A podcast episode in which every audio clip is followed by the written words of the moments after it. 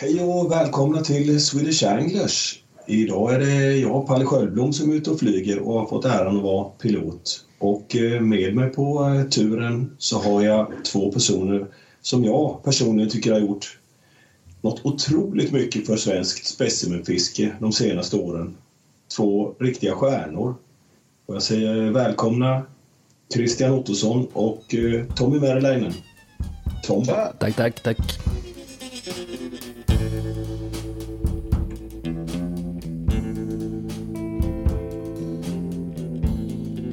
Swedish Anglers Rodpod presenteras i samarbete med Fiskekompaniet. I've had enough of your bullshit to last me a lifetime. So get out of here. I don't wanna see you around. Tjenare! Hallå! Hur är det med idag? Jo då, det rullar på. Ja. Blir det någon fiske här på vårkanten eller? Jo, det blir väl alltid lite fiske. Färna har jag väl kört några pass på och sen eh, Dalälven var ju vi förra helgen. Ja, Swedish Anglers-gänget va? Ja, alla förutom uh, du då som inte kunde komma då. Svikaren ja. ja. Men ni hade trevligt va? Ja, det var en bra resa. Det var väl inga toppfiskar sådär men... Nej, kul hade vi va? Absolut. Ja. Och du Krille, du har kört lite utöver den här Dalälven-resan så har det varit lite Färna tror jag va? Jajamän, det är som vanligt. Jag fastnar i, i Färnafisket så att jag har ju nött Färna sedan 2 april var första passet för eh, säsongen i Mörrumsån. Ja. Och sen har jag ju filmat väldigt mycket eh, kring det också. Så att eh, det kommer ju komma en film om Värnametet i Mörrumsån framöver. Så att jag avslöjar inte riktigt hur det har gått men... Nej, ah, okej. Okay. Jag ska inte ställa fler nej, frågor. Nej, det kan du få göra för det, var väl, det är inga superfiskar är det inte. Nej, nej. Tyvärr. har du, ja, men har du lyckats dra på någon regg eller sådär eller? Mm. Det har det blivit. Det har det? Det har det blivit. Så att det har jag med några stycken i, på film. Och sen ja. några strax under ägg. Men den där riktiga toppfisken har väl blivit, uteblivit. Jag håller på att jaga en 3 plus Färna ifrån Mörrumsån. Men eh, ja, jag får fortsätta nästa år med. Det är ju kul. Jag tror du mörkar lite. Vi får se filmen. ah, inte så mycket mörkar jag inte. Ja, ja, ja. Tomba, då har du kört också Färna va? Ja, lite grann. Mm. Bra resultat. Jag var faktiskt ute i, får se nu, vad var det, i förrgår var det. Och testade på eh, ett av mina hemliga ställen. Och det gick mycket fisk. Jag tappade en riktigt stor. Han slet sig mot någon sten. Och, och så fick jag väl en sån där, eh, jag vet inte, det var ju 56 centimeter. Men de hade ju lekt precis så att jag avbröt faktiskt fisket och åkte hem. Jag tänkte att de får vara lite i fred sådär. Okej, okej. Ja, jag tänkte att de kunde ha förbättrat några, till, några fiske till kuppen. Jag, jag körde två kortpass i Hedströmmen. Jag fick väl två, eh, vad var de, två, tre, någonting sånt där. Mm. Hyfsade fiskar, men de är ju inte så stora i Hedströmmen oftast. För den någon så är det ju fina fiskar. Men det har klivit upp någon som har varit över ägg va? Jo, jag har fått över ägg också. Det har väl klivit upp två vet jag över tre kilo. En på 90-talet och sen fick ju Jarko en, det förra året eller någonting sånt där. Så det finns ju, men de är väldigt få och eh, då måste man hitta rätt fisk så att säga. Ja, det ser man. Vi ska inte snöa fast i, i fisket så, utan allt för länge. Jag har tänkt att vi ska prata lite om er och jag tänkte börja lite. Vilka är ni egentligen? Swedish Anglers, eh, Tomba, vad, vad är du för en person egentligen? Ja, jag är nog en rätt vanlig person skulle jag säga. Mm. Fiskat hela livet i stort sett. Började med mete väldigt tidigt sådär men kanske inte så här specimen mete i den bemärkelsen att jag har rest runt och så utan det är mycket på hemmaplan, fiska efter mört och vad som har kommit lite sådär och tagit, ja men så här lite baby steps. Vilka, vilka årtal pratar vi här nu om? det 80-talet, eh, slutet eller 90-talet där du körde igång?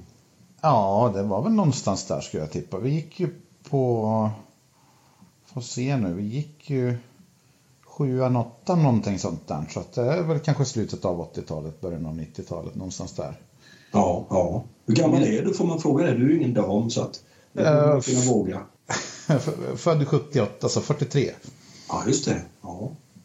Men man börjar väl kanske där någonstans runt ja, 12, 13, 14. Sådär. Man fastnade i gamla fiskejournalen och tyckte att det var så coolt med Louis Rasmussen och grabbarna. Och, och, ja, sen vart det det här att fan, man kanske kan hitta någon stor fisk i Eskilstunaån. Och så började man meta med det man hade. Det var ju bara ett jiggspö, eller ultralättspö som det kallades på den tiden. Och sen lite majs, ingen mäsk hade vi, ingenting sånt där. Så de, de enda stora fiskarna som vi kom i kontakt med, det var väl, det var väl mörtar. Började med att man fick någon sån här halv kilo, så sen kröp det upp till 6 hektar, 7 hektar, 8 hektar och sen fick Sacco till slut den på över 9 hektar. Så det, det, var, det var ju fina fiskar, jävligt fina fiskar. Ja, verkligen alltså. Ja, men det är så jag ser på dig, liksom att du, du började där i Eskilstuna och mörtmetet och det här. Det är det som ligger dig varmt om hjärtat. Hemmavattnena och, Ja. och det fisket. Eller hur? va? Ja, jag åker sällan långt. Så är det fortfarande. Om- man inte kan fiska sina egna vatten och lyckas där så då, då ser jag ingen större anledning till att åka till andra vatten. Nej. Utan det, det är väl hemma man vill vara bäst så att säga. Ja. Och det är där du lägger energin och, och satsningarna på, på allvar. Det känns som att eh, när du sticker iväg och, och reser någonstans så är det mest för kompisar och, och liksom det här goa tugget och Jo, men det är därför man håller på med det här. Alltså jag, jag har fastnat för metet för att det är så otroligt mycket roligt folk runt omkring hela tiden. Alltså jag har ju lärt känna med Krille, Rosen, dig, Vicke, Baronen och många andra personer som- man kan ringa till och, bli bjuden på fiske och bjuda tillbaks och sådär. Så att mm. utan alla de här människorna så skulle man ju inte tycka att det var så jävla roligt. Nej, nej, precis. Det har jag alltid tyckt är extremt viktigt att eh, ja, men umgås, eh, hitta på massa olika resor bara för, för att umgås, spela kort, ta någon öl, basta. Ja, ja, det finns så mycket runt omkring fisket som är ännu viktigare än själva fisket och satsningen och, och det här. Det, tycker jag också faktiskt. Ja, nej men så är det ju. Ja, och sen har du det här finska vemodet. Det är du lite inspirerad. Lite på skoj va, ibland också. Jo, såklart. Det är väl mycket ironi i det där. Men, Ja, men absolut, alltså jag tror inte att jag är mer vemodig eller mer bitter eller glad eller någonting än någon annan person. Det är väl att jag kanske är mer verbal kring de här grejerna. ja just det. Just Jag det. kan, jag kan skriva om det. Och eh, eftersom ingen annan gör det, eller väldigt få gör det, så, så framstår man kanske på ett sätt som man som många tänker är lite udda eller sådär. Men jag, jag tycker det är en viktig, viktig grej att man ska skriva så som man känner och sen, sen har jag kanske snöat lite väl mycket in på det där ibland men, Ja. men jag tycker att Ja, vi kommer in på den där krönikorna sen, gör vi. Så vi ska avvakta lite där. Mm. Björknar är någon liten grej du har också. Det är ju en fisk som ligger varmt om hjärtat, eller gör det det? Ja, det gör ju faktiskt det. Det är ju faktiskt en fisk som eh, vi har väldigt många år i och sjöar för den delen också så- i närheten där man kan få stor björkna. Vi har ju Arbogaån, det måste väl vara en av Sveriges bästa björknaåar. Det finns väldigt stor björkna i Kolbäcksån, Eskilstunaån, hela, ja alla Mälar och Hjälmaråar håller ju björkna. Och som sagt, vi, vi har ju inte så många andra arter. Det är väl lite färna, mört, björ, björkna. Det är väl de fiskarna man har så att något ska man väl fiska efter. Ja, just det. Men det är en väldigt så här mm, mystisk fisk. Den, den är lite, lite annorlunda än alla andra. Man kan fiska dem väldigt tidigt på året, väldigt sent på året och sen eh, framförallt väldigt djupt. Så där. Jag, jag tycker att det, det har också lite med tjusningen att man, eh, att man kan ligga på 6-7 meter utan någon problem och, och fånga fisk. Det, det, det blir väldigt annorlunda.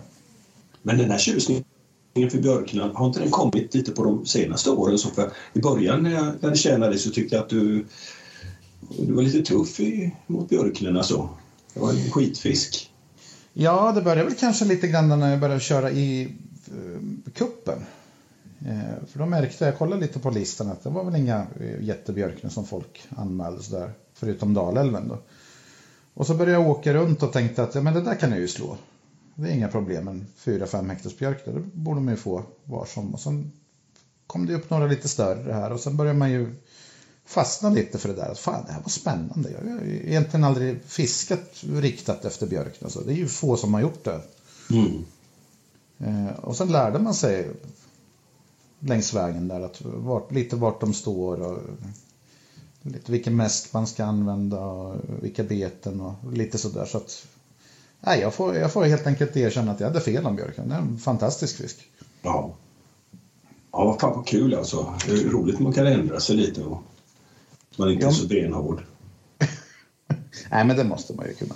Jag tror faktiskt att jag kan få dig att börja äta korv med bröd också. Inte bara korv i papper. ja, men finsk korv går ju inte att äta men annars funkar det. Ja, ja. Men man kan ändra sig. Ja. Jo, absolut. Det är också en förutsättning för metet. Metet ändras ju sig hela tiden. Och det kommer ju olika vatten som är heta som sen inte är så heta efter några år och sådär. Så att metet lever ju sin lilla tombola. Eh, där olika arter och olika vatten och olika eh, profiler liksom fluktuerar eller vad det kallas. Jaha, ska vi lämna det en stund och, och eh, kolla vad den här andra figuren här, Christian Ottosson. Mm. Vad är du för en herre egentligen? Var, var dök du upp ifrån? Kan man undra. Ja, Eh, Östgöte hör man lite. ja, det är jag ju faktiskt. Jag är ju från eh, Björsäter. Typ tre mil utanför Linköping. Eh, Nära Svartån va? ja, det är ju inte mer än 3-4 mil till Svartån. Eh, Så att eh, där är jag ju ifrån. Men jag, när jag var mindre så var det mycket spinnfiske och jakt som jag pysslade med.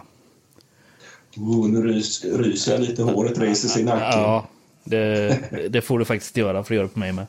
Ja. nej, men det var väl det jag pysslade mycket med till jag var kanske 20 någonstans där. Ja. Eh, sen flyttade jag ju till Växjö och började plugga. Och sen Ja. så... Så, så egentligen var Svartån det är inte ditt hemmavatten då fast du nästan är uppvuxen? Nej, precis. Nej, jag fiskade mycket i, eh, i, i sjöar runt om där jag bodde då. Eh, Ja. Det fanns ju Höven och vad heter de? Yxn, y- yxen och, och lite sånt där. Ja, men det fanns lite större vatten där omkring som man kunde eh, fiska gädda och gös och, och lite abborre och sånt. Ja, ja, just det. Eh, så det var ju mycket jakt också.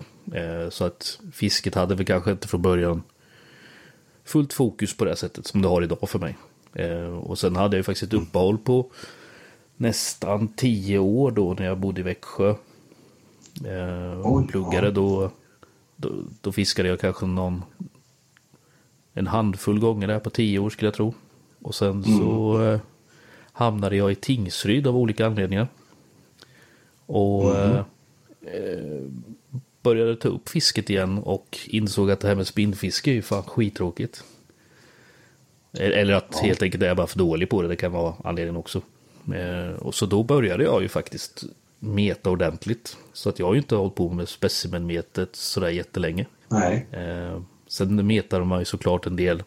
När man var yngre, då när man körde spinnfiske så provade vi ju på med lite predatormet och sådana grejer. Men just det här sutamete och liknande, det var ju mer en någon bonusfisk man fick ibland ibland på någon mask kanske. Men eh, det var ju inget riktat så. Vad var det som tände glöden för metet då? Var det internet och hittade lite så här, ja, det var roligt med sutare och... Det var nog, jag kommer faktiskt inte riktigt ihåg vad det var som gjorde att jag valde att, börja meta. Jag vet, jag var ute och fiskade sutare men, eh, med en kompis då.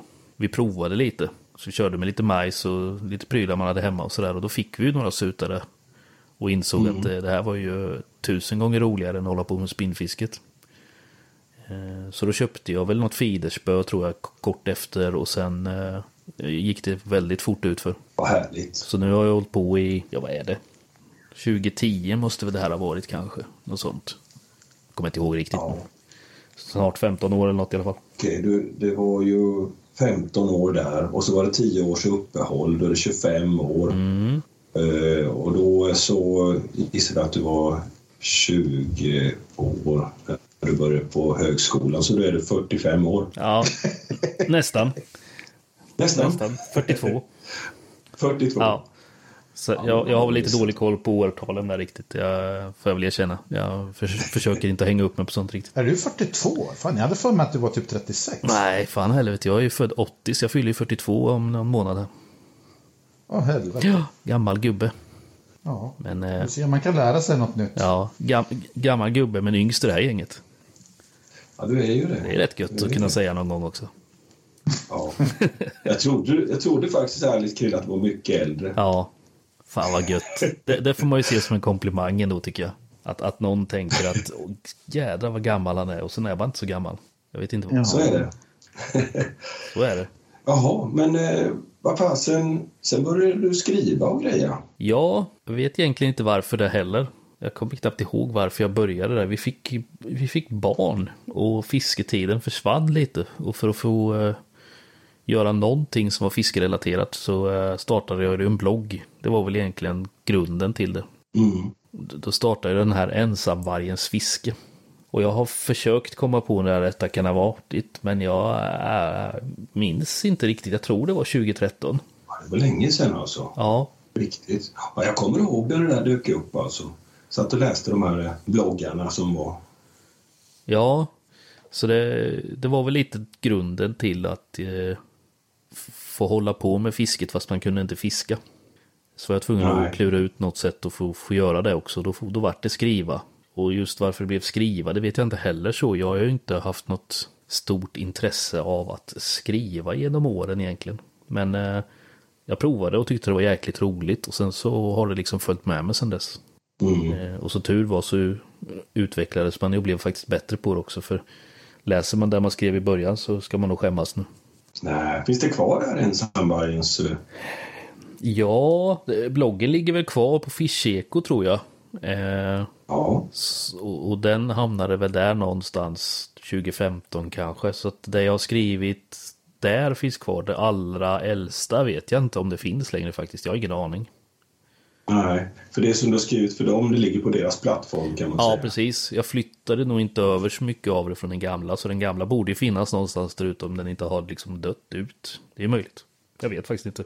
Och vi googla på och plocka fram. Jaha, se om jag kan hitta den någon gång. Jo, men det borde finnas någonstans.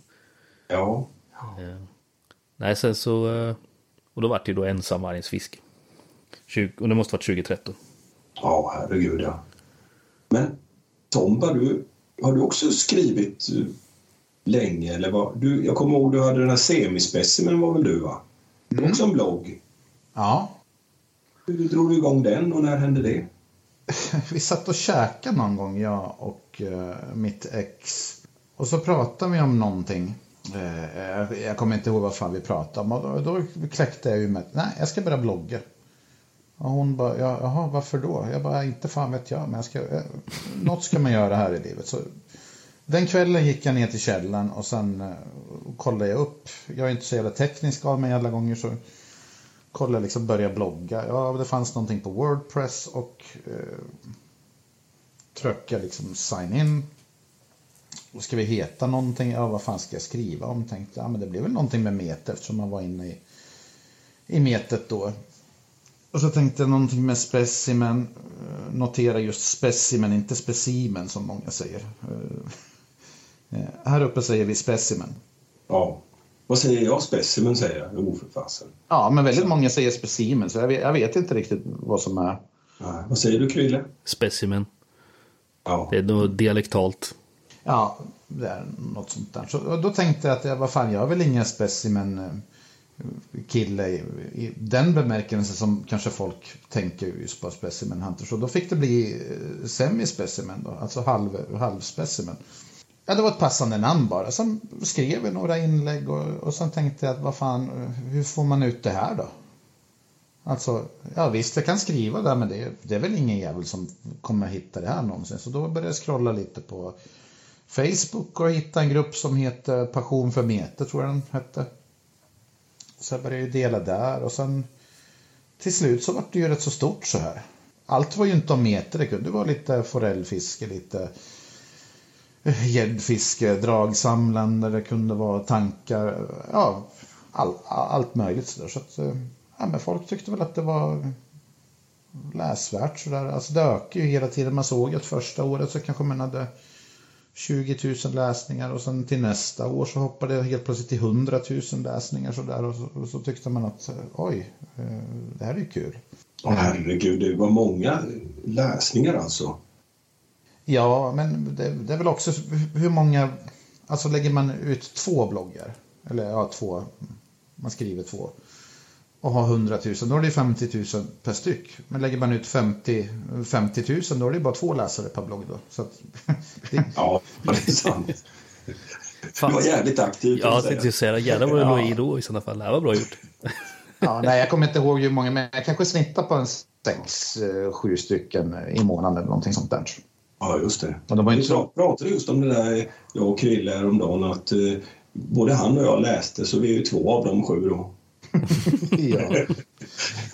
Nej, men det, det, gick ju, det gick ju bra. Det var ju, man kunde ju följa lite så här vart i landet och vart i världen folk läste. Och sen helt plötsligt så hade man så här eh, i Kanada och ja, det var väl någon, säkert någon svensk någonstans, och typ i Australien och Finland var det rätt många som läste. Där hade man, jag tror att Finland, Sverige, Norge, Danmark var väl... Nej, Finland, USA var de största läsarna. Och sen var det Danmark, Norge. Då, så att det var folk från typ, förmodligen svenskar. Då. Men du skrev på svenska ju. Ja, det gjorde jag ju. Men det bor ju svenskar i USA, eller på semester eller vad fan som helst. Eller, jag vet inte hur det där funkar, hur pålitlig de här statistiken är. Men man såg ju tydliga trender så här, att vart man hade sina läsare. Det var ju lite kul att följa. Ja.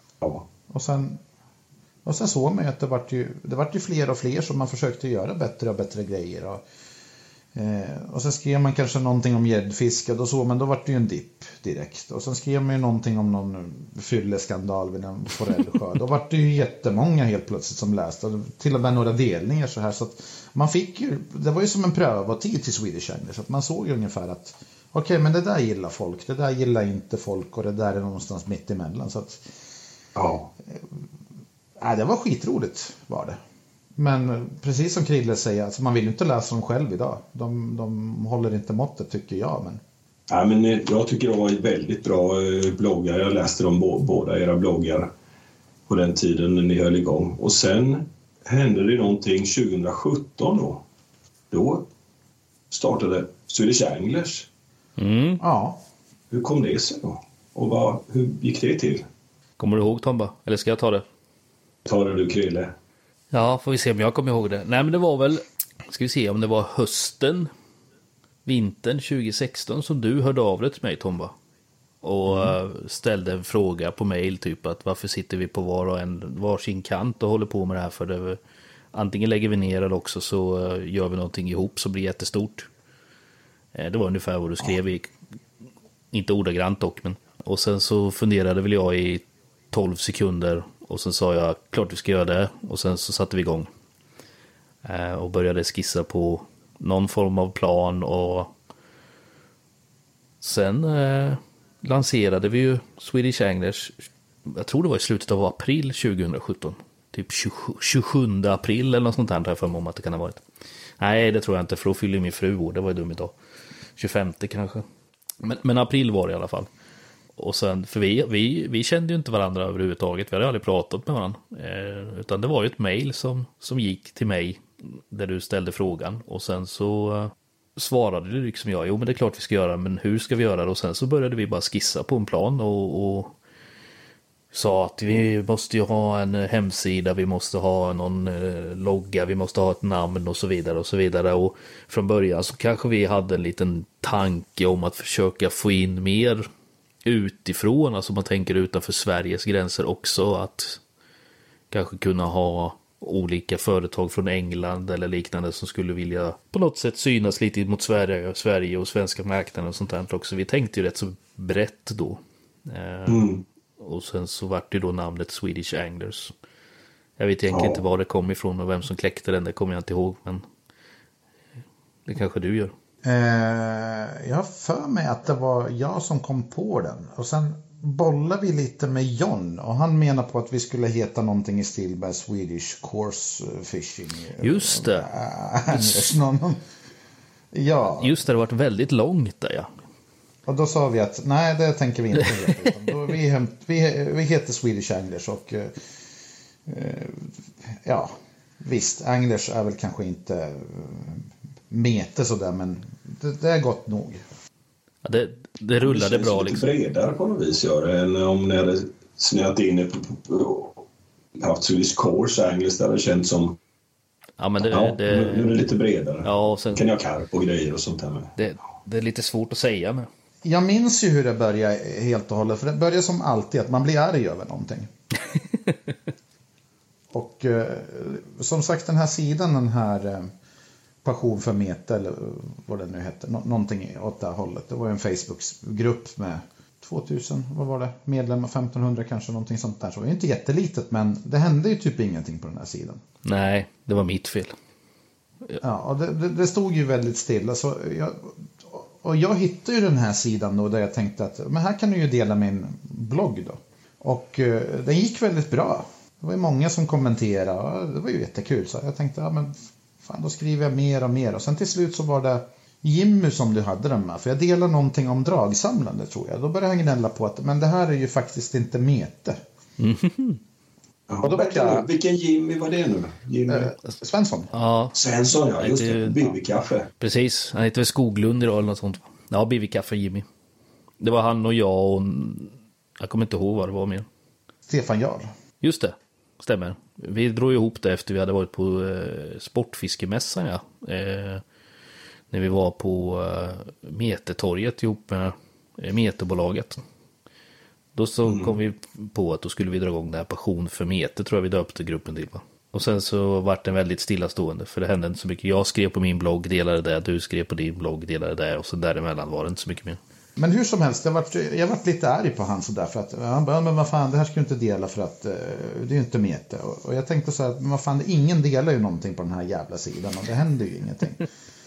Och så, så på klassiskt finskt manér då, då, då tänkte jag att ah, men då ska jag aldrig någonsin dela någonting på den här jävla sidan igen. Då får jag väl hitta någon annan kanal om det ska vara så jävla svårt. Och så började jag fundera lite grann och så kom jag på den här jävla idén att, nej vad fan, jag vill börja någonting nytt så här. Och, och så hade ju jag läst Krilles blogg också. Han, han verkar ju driven för han skrev ju mycket och, och så där. Så då tänkte jag att då hör jag, hör jag av mig till honom. Men jag skrev i mejlet att förutsättningen för att det här ska lyckas är ju att vi lägger ner Passion för Mete. Eh, att det inte blir två konkurrenter mot varann. Och då frågade vi väl Stefan Jarl och eh, eh, Jimmy om de ville vara med. Men de kände väl att de inte hade tiden eller Ja, någonting åt det hållet. Har jag för mig. ja, det kan nog stämma. Jag minns faktiskt inte, men nu när du säger det så stämmer det ju. Just det. Så, så då bestämde vi att men, då kan vi använda den gruppen som en reklamplats lite grann. Att nu kommer vi ändra gruppen men vi försöker göra gruppen mycket bättre. Mm.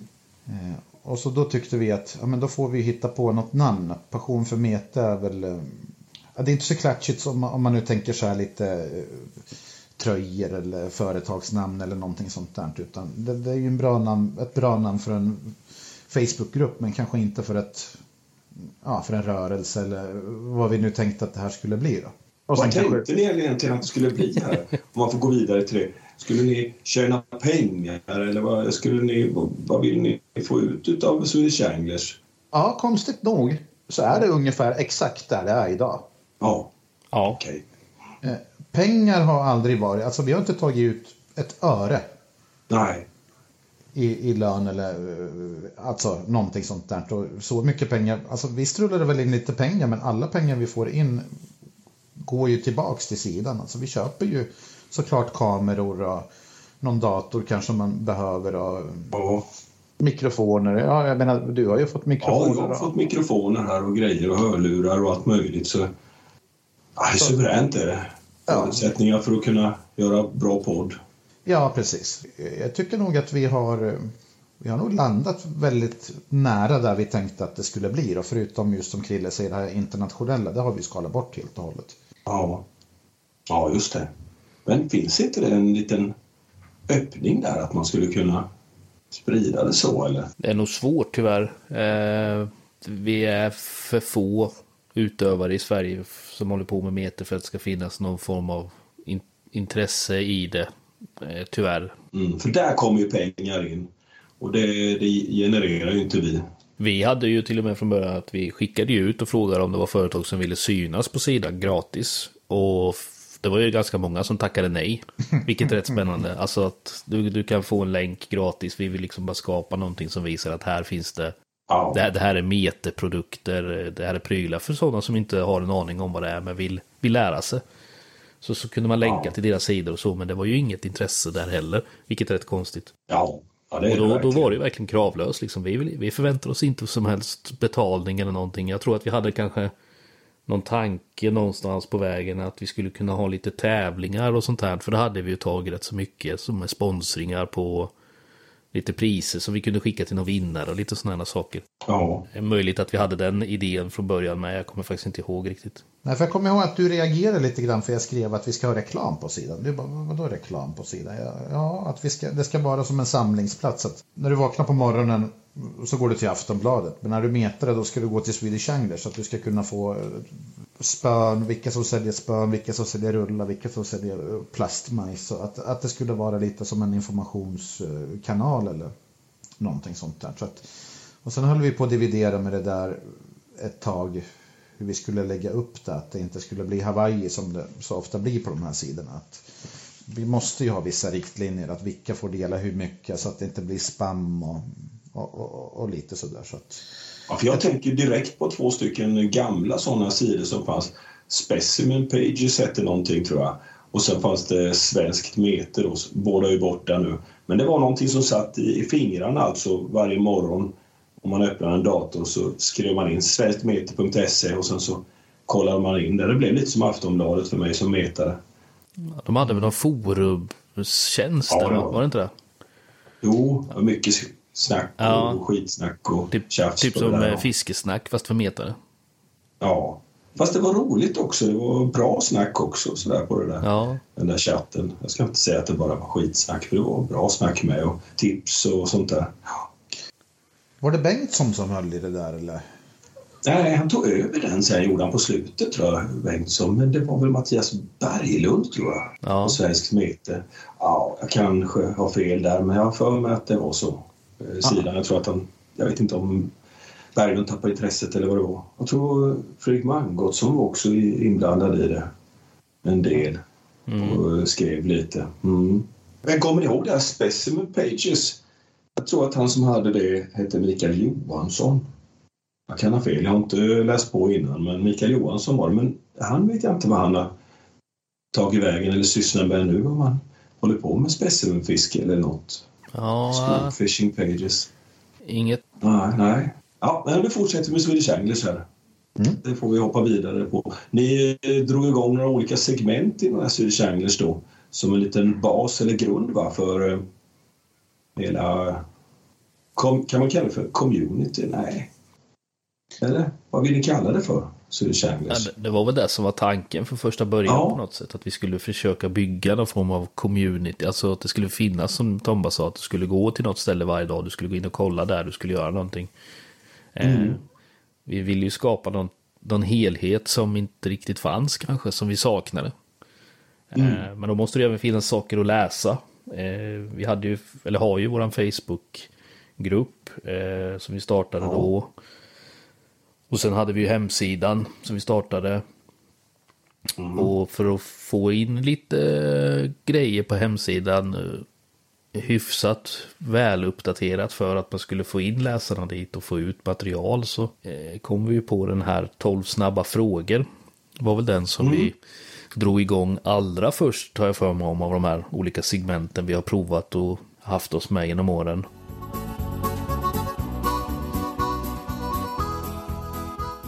Det har varit lite olika frågor också beroende på vem det har varit som ni har intervjuat och så. Från första början så var det samma frågor till samtliga. Eh, Ja, Och jag kommer inte ihåg hur många av dem som vi publicerade som var så. Sen eh, gick vi ju över till att börja skriva kanske några liknande frågor hela tiden och några riktade frågor till beroende på vem det var som var eh, vår, vår gäst så att säga i, i den 12 Ja. snabba frågor. Hur, eh, hur många har eh, svarat på 12 snabba frågor? Har ni det i huvudet så? Ja, inte i huvudet, men jag har kollat upp lite siffror innan. Och Ja. eh, vi har publicerat 117 stycken 12 snabba frågor. Jäklar ja. Mm. Eh, De hittar man på hemsidan om man vill ja, gå igenom dem. det, det finns alla, finns ju publicerade där. Och då var det väl, jag kan inte, kommer inte ihåg exakt hur många vi kanske publicerade från början där det var ex, samma frågor. Men det var väl 20-30 av de här 117 kanske. Och sen så började vi nog inse att det började bli lite vi behövde göra någonting, vi behövde liksom skruva till den lite för att det skulle bli någon form av nerv i det eller lite mer intressant än att det blev samma, annars blev det gärna samma svar från samtliga deltagare och det är ju inte sådär, det är inte riktigt det man vill läsa. Så att eh, sen så började vi skruva mer och mer på dem och, och riktade in dem mer och mer mot personen i fråga som vi, vi hade med då. Ja. Eh, men någonstans runt 100 då började det bli svårt. Mm. Kanske egentligen inte att hitta folk så, men att hitta intresset och frågorna och, och de här bitarna. Det, det kändes som att det hade gjort sitt någonstans där. Så att vi... Det vart 117 och där stannade vi. ja. För det där vart ju också lite, det, det vart lite snöbollseffekt på så vis att de första som svarade svarade någorlunda kort. Och sen folk visste väl inte riktigt vad de var med i och hur, det skulle tas emot och si och så. Och sen började vissa skriva, alltså det var nästan böcker som Ja. de skrev där. Och, och då, tyck, då tyckte folk att, oj jävlar vad bra. Och då föll polletten ner lite grann. Att folk tänkte att jaha, okej, att de människor gillar att man skriver långt och jag som har försökt att hålla det kort. ja, för det heter ju 12 snabba frågor. Och då, då ska de ju gärna bara nästan vara ja och nej, tänker man så här. Men sen blev det lite 12 långa, Ja, visserligen. Jo, fast fråg, frågorna är snabba men svaren. Ja, ja just det. Det var- det. Svaren blev långa. det, det vart nästan så här att det förväntades att svaras långt på alla frågor när du fick tilldelat till det. Fast vi fortfarande kallar det för 12 snabba frågor. Så det var ju Ja. ändå kul sådär att folk läste dem och insåg att oj, här har jag fritt spelrum. Nu kan jag gå loss ordentligt och sen så börjar man nö- nöta liksom. Mm. Ja, och problemet med sådana här grejer det är ju ofta att eh, när du startar någonting så vill du ju såklart att det ska bli synligt för folk. Så att första intervjuerna man gjorde, första 12 snabba, kanske första poddarna också, då skulle man ju nästan vilja göra om för att där har vi, det var lite trevande, man var inte varm i kläderna så man kanske ställde fel frågor, gjorde på fel sätt och så. så att, Ja, precis. Fast jag tycker nästan så här att poddarna nu, de här eh, eh som har kommit, podden och Swedish Angus Rod Podd, har nästan tagit över den rollen från de här frågorna och, och det blir liksom det blir djupa diskussioner och Jo, det är väl så. Vi, förs- vi har väl försökt att... Alltså istället för att vi ska pressa ut en massa material, i- alltså skrivet material som vi vet inte är lika poppis som, som poddar. Så att, det är väl lika bra att man håller på mer med poddar eftersom det är där folk vill ha. Ja, vi kommer lite till de där poddarna sen. Men vi kan ta och kolla lite andra segment som ni startade upp i samma veva här. Eh, panelen var någonting också. Mm. Kan du prata lite om den, eh, Tomba? Det var väl egentligen det här segmentet som jag var mm, kanske fortfarande är mest nöjd med. Alltså tanken till det var ju att vi skulle ta eh, antingen en viss fråga, vi kunde ha mäskning eller om eh, något specifikt fiske eller någon specifik eh, fiskeplats, alltså någon å eller ursjön eller någonting. Och sen tog vi jag kommer inte ihåg hur många människor vi hade, men det var väl någonstans kring 10-12 personer sådär.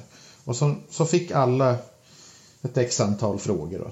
Säg, säg 10 frågor då. Och så frågar vi så här att, men, eh, om du ska mäska i ursjön, vad väljer du för mäsk? Och så kunde man ju se så att okej, 8 av 10 väljer sånt mäsk och vilken krok ska du ha, vilken lina. Så att det vart lite grann som ett facit för nybörjaren och även för, för mer erfarna människor att, att kolla hur, hur merparten av etablerade metare tänker.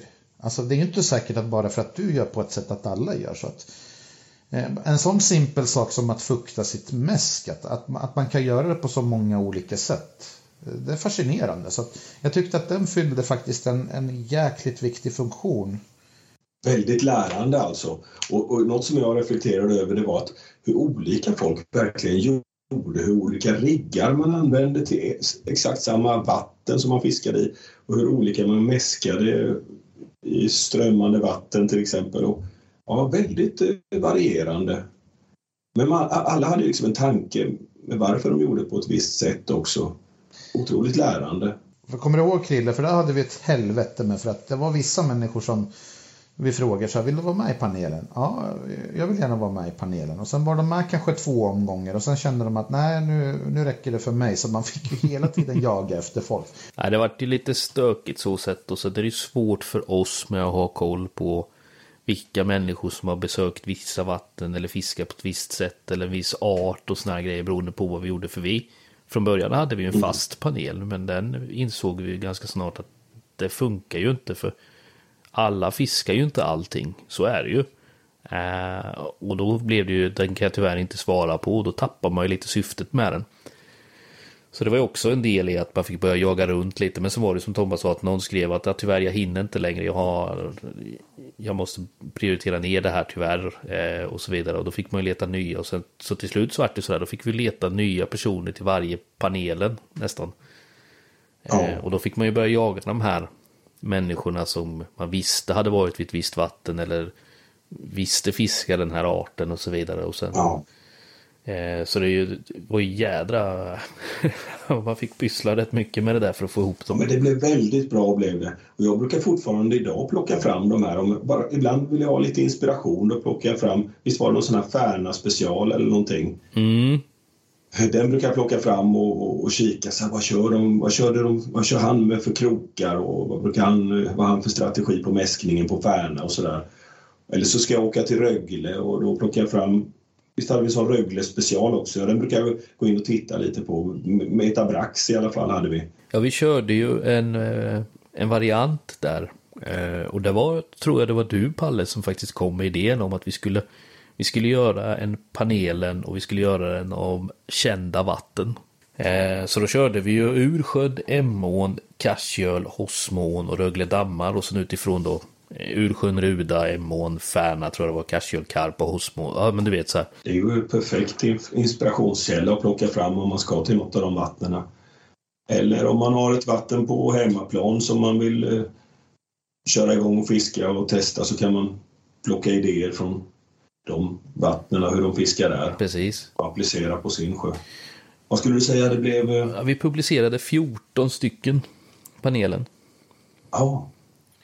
Eh, och då var det ett uppehåll på nästan ett år. Mellan 2018 och 2019 ser jag här. Mm. Eh, den senaste vi publicerade var faktiskt den 24 oktober 2019. Och då var det kända vatten ja. Rögle dammar. Nej, där fick vi ju leta folk eh, som vi visste hade fiskat mycket i de här vattnena. Så det var ju mm. väldigt, den vart ju verkligen en sån här special special och backar man tillbaka till de första vi gjorde, där var det ju samma personer som, som var med första fyra, fem i alla fall tror jag. Sen började det bli svårt.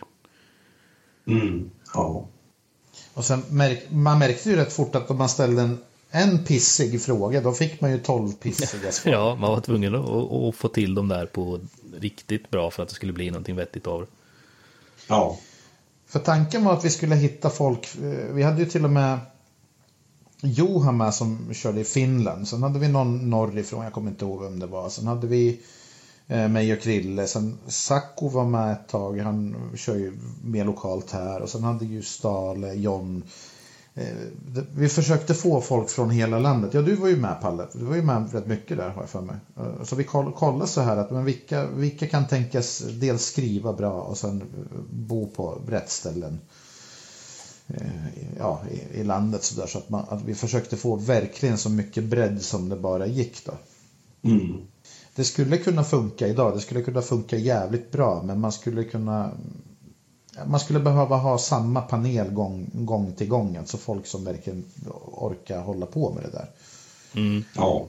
Så man slipper jaga sen med blåslampa hela tiden. Och sen kanske inte ha att vi måste få ut en panel varje månad. Utan att det blir när det blir. När alla känner sig klara så ut med den bara. Ja, jag tror det skulle finnas mycket utrymme för kända vatten, panel på det.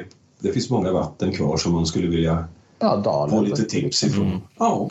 Mm. Ja, den, den är ju den är både rolig att publicera och rolig att göra tycker jag för att man, eh, man får så mycket inspiration till att läsa vad andra tänker och gör tycker jag. Jag tycker det är skitkul. Eh, Ja. Men det är ju, vi, vi har ju alltid, jag och Tomba har ju alltid ställt, eh, jag ska inte säga jävligt höga krav för det är väl att ta i, men höga krav på oss, både på att vi vill ha kontinuitet i att vi ska publiceras vid ett visst tillfälle, att Ja. vi hela tiden försöker hålla så att folk så här, ja men nu kan du förvänta dig att det ska komma en panel runt den, vi säger den 15 varje månad. Ja men då vill man hålla den delen hela tiden att du ska inte behöva vänta i två månader då. Eh, och det hade vi ju med oss redan från början att vi skulle hålla en hög nivå på det. Vi skulle publicera vid vissa tillfällen och, och hela den här biten. Så att man fick ju hela tiden försöka ligga så långt fram i, i planeringen så att man kanske hade nästan en färdig och var en påbörjad innan man publicerade den första. Alltså sådär så att det var ju mycket, jävligt mycket bakomliggande jobb på de där. Men hade man lagt upp det lite som att det kommer när det kommer så hade man ju lätt kunnat ta tillbaka en sån grej som panelen och prova den igen. Det är ju som sagt, det är ju snart tre år sedan. Och, Jäklar, det är så länge sedan. Ja. Ja, för då får vi ha en sån här, kommentera gärna ifall ni vill att den ska komma tillbaka. ja, precis. det är perfekt. Får, får, vi, får vi 30 i ja, så då, då, då, då ger vi den en chans. Ja, helt klart. Trevligt. Ja, sen har vi den här krönikan då. Den! Det är ju din grej Tomba, helt och hållet.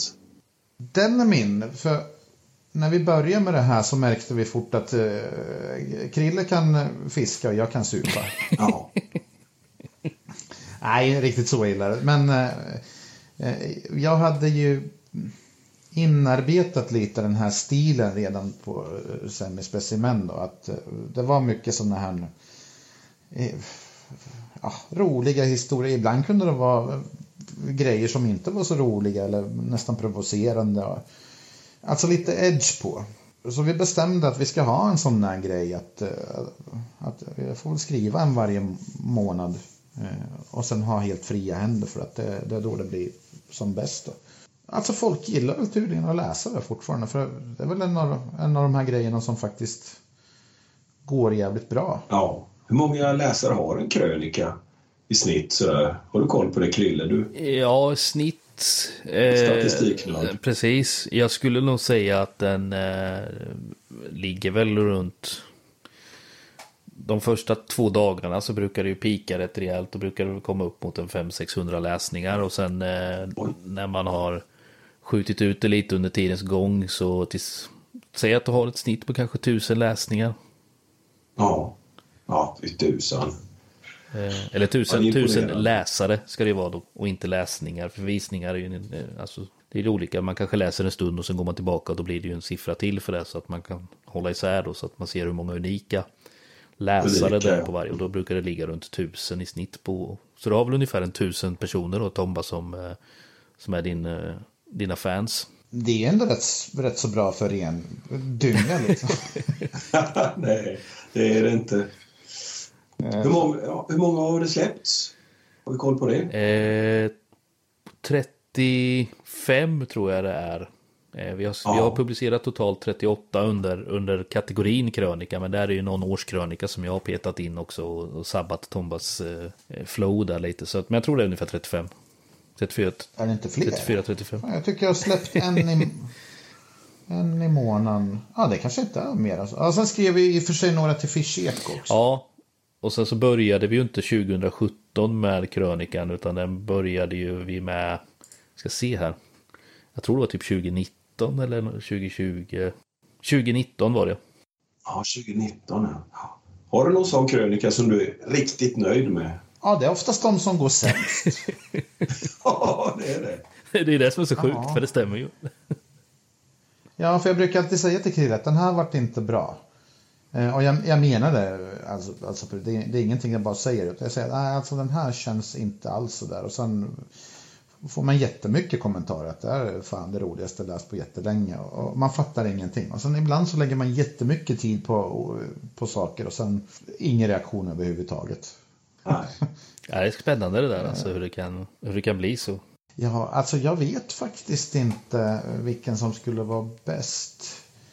Jag har ju skrivit så olika Alltså det kan vara väldigt seriösa grejer, det kan vara väldigt lättsamma grejer, det kan vara allt möjligt. Men den här Jesus-grejen runt jul tyckte jag var jävligt bra. Ja.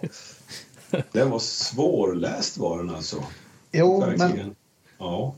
men det är väl ungefär så jag håller på att fundera kring saker. Att det ska vara mycket, mycket grejer gömda i texten som bara vissa människor plockar upp. Att man, man måste tänka två varv innan man förstår vissa grejer. Men fortfarande så ska texten vara rolig även fast du inte fattar någonting. Nej. Att det ligger liksom fler lager av eh, grejer där. figurerade ju namn och händelser och sånt där i hela texten som, som faktiskt baserar sig på verkliga saker och verkliga personer och sådär. Ja, det gör det ju. Och alla namn som jag nämner så det, det gör jag ju såklart med, med kärlek. Det är väl fel ord, men ja, det, med vä- värme åtminstone. Ja, men någon skulle kunna ha missförstått det och gett ett kokstryk för det där va? Ja, möjligtvis, men konstigt nog så har jag ingen... Jag har inte blivit mordhotad än i alla fall. Så att, eh, Ingen som fattade någonting. det, det är väl förmån. Men det är väl ungefär som, eh, som den här eh, 3NNN som jag skrev. Att jag, jag har ofta funderat på det här namnet 3MMM. Eh, Alltså lag, med väldigt klassiskt specimenlag, mask, majs, mangot. Men då tänkte jag, att, men ska det inte heta antingen MMM eller bara 3M? Ja. Ja, den är förvirrande, det, det håller jag med om. Ja, precis. Och då, då tog jag den här tanken och la den i texten. Fast då skulle den ju heta 3NNN. Det var någon Nazaret, eh, North Sea. eller vad fan Jag kommer faktiskt inte ihåg sånt där. Och då pratade jag med Gud och sa att ja, vi ska heta 3NN. Och då, då sa Gud att men vad fan det blir förvirrande för det blir 9N. Sådär. Ja, det är ju såklart en peak, men jag menar ju inget illa med det där, utan det är bara en tanke som har slagit mig att "Åh, det där vart ju konstigt så, här, i mi- mitt huvud och sådär. Så att det är absolut inget illa menat, men om man, om, om man liksom ska akta sig för att peta på olika saker, och om man inte kan ha lite självdistans och skratta åt sina grejer och sina misslyckanden, vilket jag också gör, då blir ju livet jävligt tråkigt sådär. För jag, jag går ju inte mot, i personangrepp mot folk. Det, det är ju inte där jag gör, utan man försöker ju ändå liksom ja, tassa försiktigt kring ömma ämnen.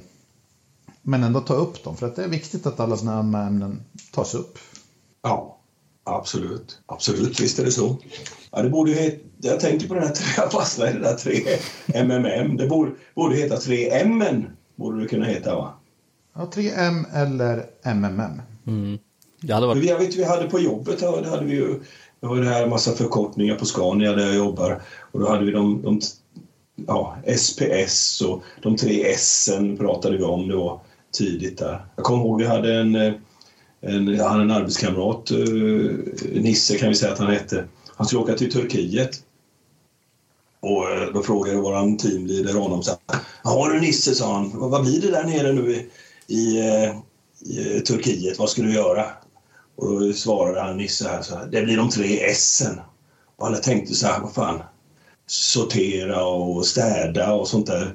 Sånt som Scanias värderingar började de fundera över. Sen bara, vad fan menar du tre S'en? Får jag gissa? Sex, supa och någonting till. Nej, de tre S'en var sola, bada, supa. Jaha, okej. Jag vet inte fan jag fick in det där bada alltså. Ja, den är ju eh, faktiskt väldigt svår. Ja, Ja, ja. ibland har man otur när man tänker. ja verkligen. Jaha, ska vi titta vidare här? Och en liten parentes, vi får sortera bort den sen. Men eh, specimenmeters historia är ju någonting som eh, också var en av segmenten i Swedish Anglers. Mm. Krille, vad säger du om den? Eh, Nej, jag bara skojar. Också, eh, vi får kasta den till jag tänkte säga kasta över den till Tomma, för det är hans mästerverk. Ja, det är det. Väldigt, väldigt, väldigt svår eh, att skriva. Kanske inte svår att skriva på så vis, men jag var ju inte med på den tiden. Jag var ju inte ens född på den tiden när den började. Mm.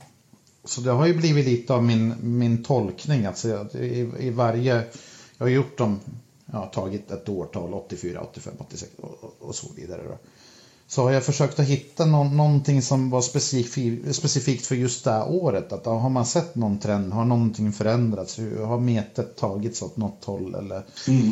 eh, men det är många som har hört av sig och tycker att jag har varit väldigt, väldigt nära. Det är ju ingen som har i alla fall skrivit och sagt att jag har misslyckats totalt. Så där, så att, Nej, du har varit obehagligt nära alltså hur, hur det var. Verkligen fångat upp eh, hela känslan och andemeningen med specimenfiskets eh, inledning och start i Sverige på något vis. Det är väl min egen tolkning. När man har läst de här tidningarna så har jag tänkt att hur har det varit? Ja, men det måste ju ha varit på det här viset. Och det är ungefär som man läser en bok. Så får du bilder i huvudet att så här måste det ha sett ut och, och si och så. Men sen när du ser filmen då tänker du att shit, det stämmer ju inte alls. Så, så, så, så om jag inte hade haft den här personliga touchen i den här eh, grejen, då hade den förmodligen inte blivit så bra. Det hade nog blivit lite kantigt på något vis, eh, känns det som. Ja, så här, faktabaserat bara. rakt upp och ner. Största Ja. fisken och det här. Alltså det ju, vill ju ingen läsa. Nej, nu är det underbar läsning alltså. Jag rekommenderar. eh, Hur många delar har du gjort?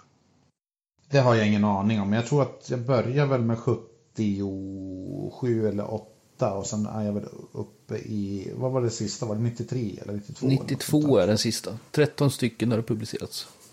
Då har, då har vi slagit ihop något år också för det hände inte så mycket där. Eh, 89-90 vet jag vi eh, slog det ihop för det var... Ja, 89 var ju ett riktigt Jag tänkte ju säga det, det var väl nå- något mindre bra år där så att... Eh, eh, den är ihopslagen där. Ja, för det, det är väldigt mycket research som går åt dem där. Jag måste ju läsa alla artiklarna, jag måste ha alla tidningarna och ta kort och, och hålla på och kanske höra lite med folk. Och... Det går många timmar åt att skriva en sån där jävel. Vi, jag var ju till och med och köpte tidningar. Det var ju någon som sålde här omkring helt plötsligt. Eh, du skickade ett meddelande till mig bara. Du måste köpa de här tidningarna. Eh, Ja, just det. så jag fick ju sticka och, och köpa de här sista. Jag kommer inte ihåg vad det var. Var det 70? Var, det- var de, all... var väl de allra Nej, första någon va? Så saknar du någon vet jag du. Som, som du inte hittade. Jag fick ju tag i någon lirare där nära dig, Krille. Och så tipsade jag Tom, vad fan. Ja men det kanske var därifrån det kom då. Ja. För jag var, var ju hämtade något här i ett par mil från Tingsryd va. Och hon tittade väldigt suspekt på mig när jag kom och sa att jag ville köpa alltihopa. Eh, så jag köpte ju kassavis med gamla fiskejournalen och allt vad det var för någonting. Och, och det var långt tillbaka. Men det var mycket sån här FIB Aktuellt och lektyr också med i det där. Så jag förstår om hon tittade Ja, ja suspekt visst. på Det, det. var som en bonus Berättade du liksom. inte det på Tom, va? Nej, nej, Du det... bara skicka dit. Ja. nej de behöll, de behöll kriget. Ja, i garaget. Ja. Ja, Ja, nej, nej. men jag, jag ville ju såklart ha alla nuffrorna. Så jag har ju alla nuffrorna av Fiskejournalen som någonsin har släppts. Jag har alla eh, alltså sportfiske, sportfiskarna eh, som kom sen där 80-talet. Alla svenskt fiske från eh, någon gång 60-tal till dags dato. Jag har nästan alla ESOX, jag saknar typ två nummer. Jag har all, alla fiske för alla, de flesta fiskefeber och så att jag har ju nästan en, ett bibliotek hemma med. Nästan. Du har ett bibliotek. Och den här lilla eh, metertidningen som Fisketider, va? Har du några sådana med? Jag har alla förutom en tror jag. Ja. Coolt. Ska vi... Vilket nummer är det? Nej, det vet du inte i huvudet, va? Nej, nej, det minns jag fan inte. Eh, för det är ett nummer som jag saknar. Det var ju den som jag skulle få hem. För jag, jag la en prenumeration och sen hörde jag ingenting. Jag tänkte, vad fan. För det var ju Sacco som sa till mig att har du sett det? Metamagasinet har ju släppts. Ja, du tänker på den nu, ja. Just det. Ja, Jag tänker på den här lilla tidningen som fanns, eh, som Rickard Bengtsson släppte. ja, ja, ja. ja, ja. Ja. Jo, men de har ju ett gäng också. ja, då har du med, ja. ja. Och Svensk Karpfiske. Sandström skickar ju ett gäng till mig också. Så, där, så ju Ja, vad kul. Ja. schysst att få dem där. Då. Sådär. Men just Metamagasinet, så då tog jag en prenumeration, men då hann den gå i graven. Så det var lite tråkigt. Men, äh, men jag har försökt att spara alla de här och försöka få tag på dem så att årsböckerna och allting. Så att, eh, just nu så har jag väl ingen större användning av dem, men det, det kan ju förändras. ja, det är alltid kul att plocka fram sånt där. Ja, det har ju gett eh, hela den här eh, specimenmeters historia i alla fall. En, eh, du har ju en grund att gå på när du skrev det. Ja, och den skulle man egentligen vilja skriva om hela skiten. Den sista blir ju alltid bäst på något vis.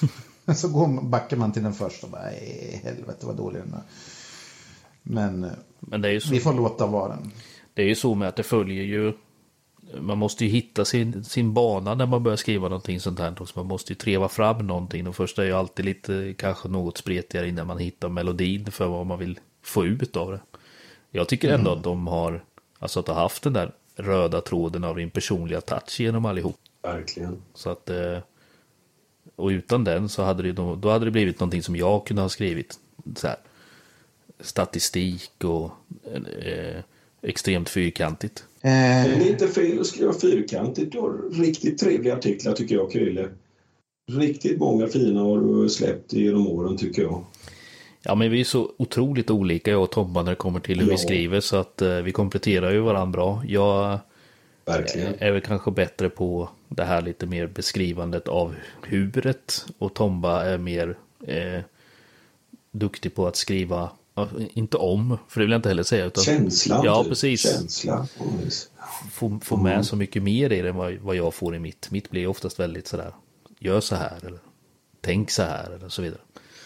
Ja, jo, och det är ju jättebra för att du har ju tagit hand om alla de här artiklarna som vi har haft i olika åt andra till exempel. För du kan ju verkligen skriva jättekort och ändå få med liksom det som skriva åt en fisketidning. Då kan man ju inte skriva hur jävla mycket som helst utan man måste hålla det kort men samtidigt sakligt och väldigt lärande sådär. Och det är ju Krille mästare på. Jag skulle aldrig någonsin kunna skriva någonting sånt där. du har ju haft med väldigt mycket i eh, fisketidningar, Fiskejournalen och sen eh, eh, Sportfiskarnas tidning nu, vad heter det, Svenskt... Eh, Svenskt fiske. Fiske. Mm. ja, mycket artiklar på senare år. Ja, och framförallt då mot ungdomssektionen lite så här tips på hur man kan börja meta och vad man kan tänka Ja. på sådär. Och, och det tycker jag ändå är roligt att, att kunna få bidra med mot just ungdomsbitarna också. Visst det. Du hade ju ett litet föredrag där nere i, på Knislinge också. För ett par år sedan innan coronan kom. Ja, just eh, det. Pratade. Eh, Ja. s- vad hette den? Svensk, s- svenska met, meterträff? Nej, jag kommer inte ihåg. Jag tappade namnet nu. Ja. Pinsamt, men ja. Meterträffen. Ja, precis. det. Meterträffen i Knis, Ja, jo det stämmer. Jag hade ett något föredrag där ja. Det, jag, jag vet, Mm. kommer inte riktigt ihåg vad jag babblade om, men det, det gick väl skapligt. Väldigt kul. Hoppas den där meterträffen kommer igen för den var jätteskoj tycker jag. Ja, Kul att träffa alla, eh, alla metare runt om i Sverige som var nere där. Nu tycker jag i och för sig det var rätt mycket lokala förmågor, så skåningar och sånt. Men sen har vissa från Östergötland hade kört ner också. Och så, så. Och Småland. Hoppas att det kommer fler framöver. Coronan hade precis kommit då så det ställde väl till det lite. ja, Ja, de kunde ju hålla den kanske, vad säger Jönköping eller någonting sånt där. Det blir väldigt, väldigt långt att åka så långt ner. Ja, ja det blir det. Och sen så skulle vi väl ha Sportfiskemässan var väl typ veckan efter eller något sånt där. För vi skulle väl dit då, men den var ju inställd precis efter. Ja, det blev dumt. Så att, eh, ja. Men det var jäkligt roligt så det hoppas jag vi kan eh, någon gång få få uppleva igen en eh, meterträff. Så det var riktigt kul. Ja, det var det. Skitskoj. Jaha, julkalender. Ja, Ja, den var ju en, eh, den. en briljant idé i huvudet. mm. Eh, kanske lite övermäktig eftersom vi inte börjar i tid någon gång. Men ja, jag har varit med på den också. En tuff, en tuff resa. Ja, men den, eh, den, den har ju... Första gången vi gjorde den vart det ju, eh, får, får man väl säga, någon form av succé. Det var ju riktigt roligt. Alltså det vart eh, många som hörde av sig om den. Och vi hade bra material, publicerade ju grejer varje dag då under den här julkalendern med Ja. några Det tävlingar. var bara du och Tomba då, eller? Första var det bara jag och Tomba, ja. Jävlar jobb ni måste lagt ner. ja. Ja. Man sov inte så många timmar där, det gjorde man inte. Nej. Eh, Men det var ju som sagt lite vårt eget fel för vi började ju prata om den på sommaren och tänkte att det här hinner vi ju lätt. Men sen så helt plötsligt så skulle man ju fiska också och tänkte att det där gör jag imorgon. Ja, Och det där gör jag imorgon. Och sen så vart det helt plötsligt oktober och då vart det jädrigt stressigt. Mm. Eh, men det är ju bara för att skylla sig själv. Men jag tycker ändå... Och när var det? När den första kom då? Hur många år har det pågått där? Vad, Det var väl tredje året vi gjorde nu va? ja, jag tror 2019 var nog första ja. Och sen 2020, Mm. 2021, just det. Stämmer. Ja. Eh, men från början, den 2019, då hade vi väl inga poddar med tror jag, utan... Eh, Nej, men då hade vi 12 frågor. De var ju lite enklare. Ja, precis. Vi hade Vi, ett eh, gäng sådana som vi kastade in. Och sen eh, gjorde jag två krönikor och sen specimenmetets historia var väl oftast ja, precis, de den var med också. där. Och Det var ju några grejer man fick. lite tävlingar hade vi utspritt då också, just det. Eh, och sådär så. Sen ändrade vi konceptet till 2020 och gjorde en enda stor tävling.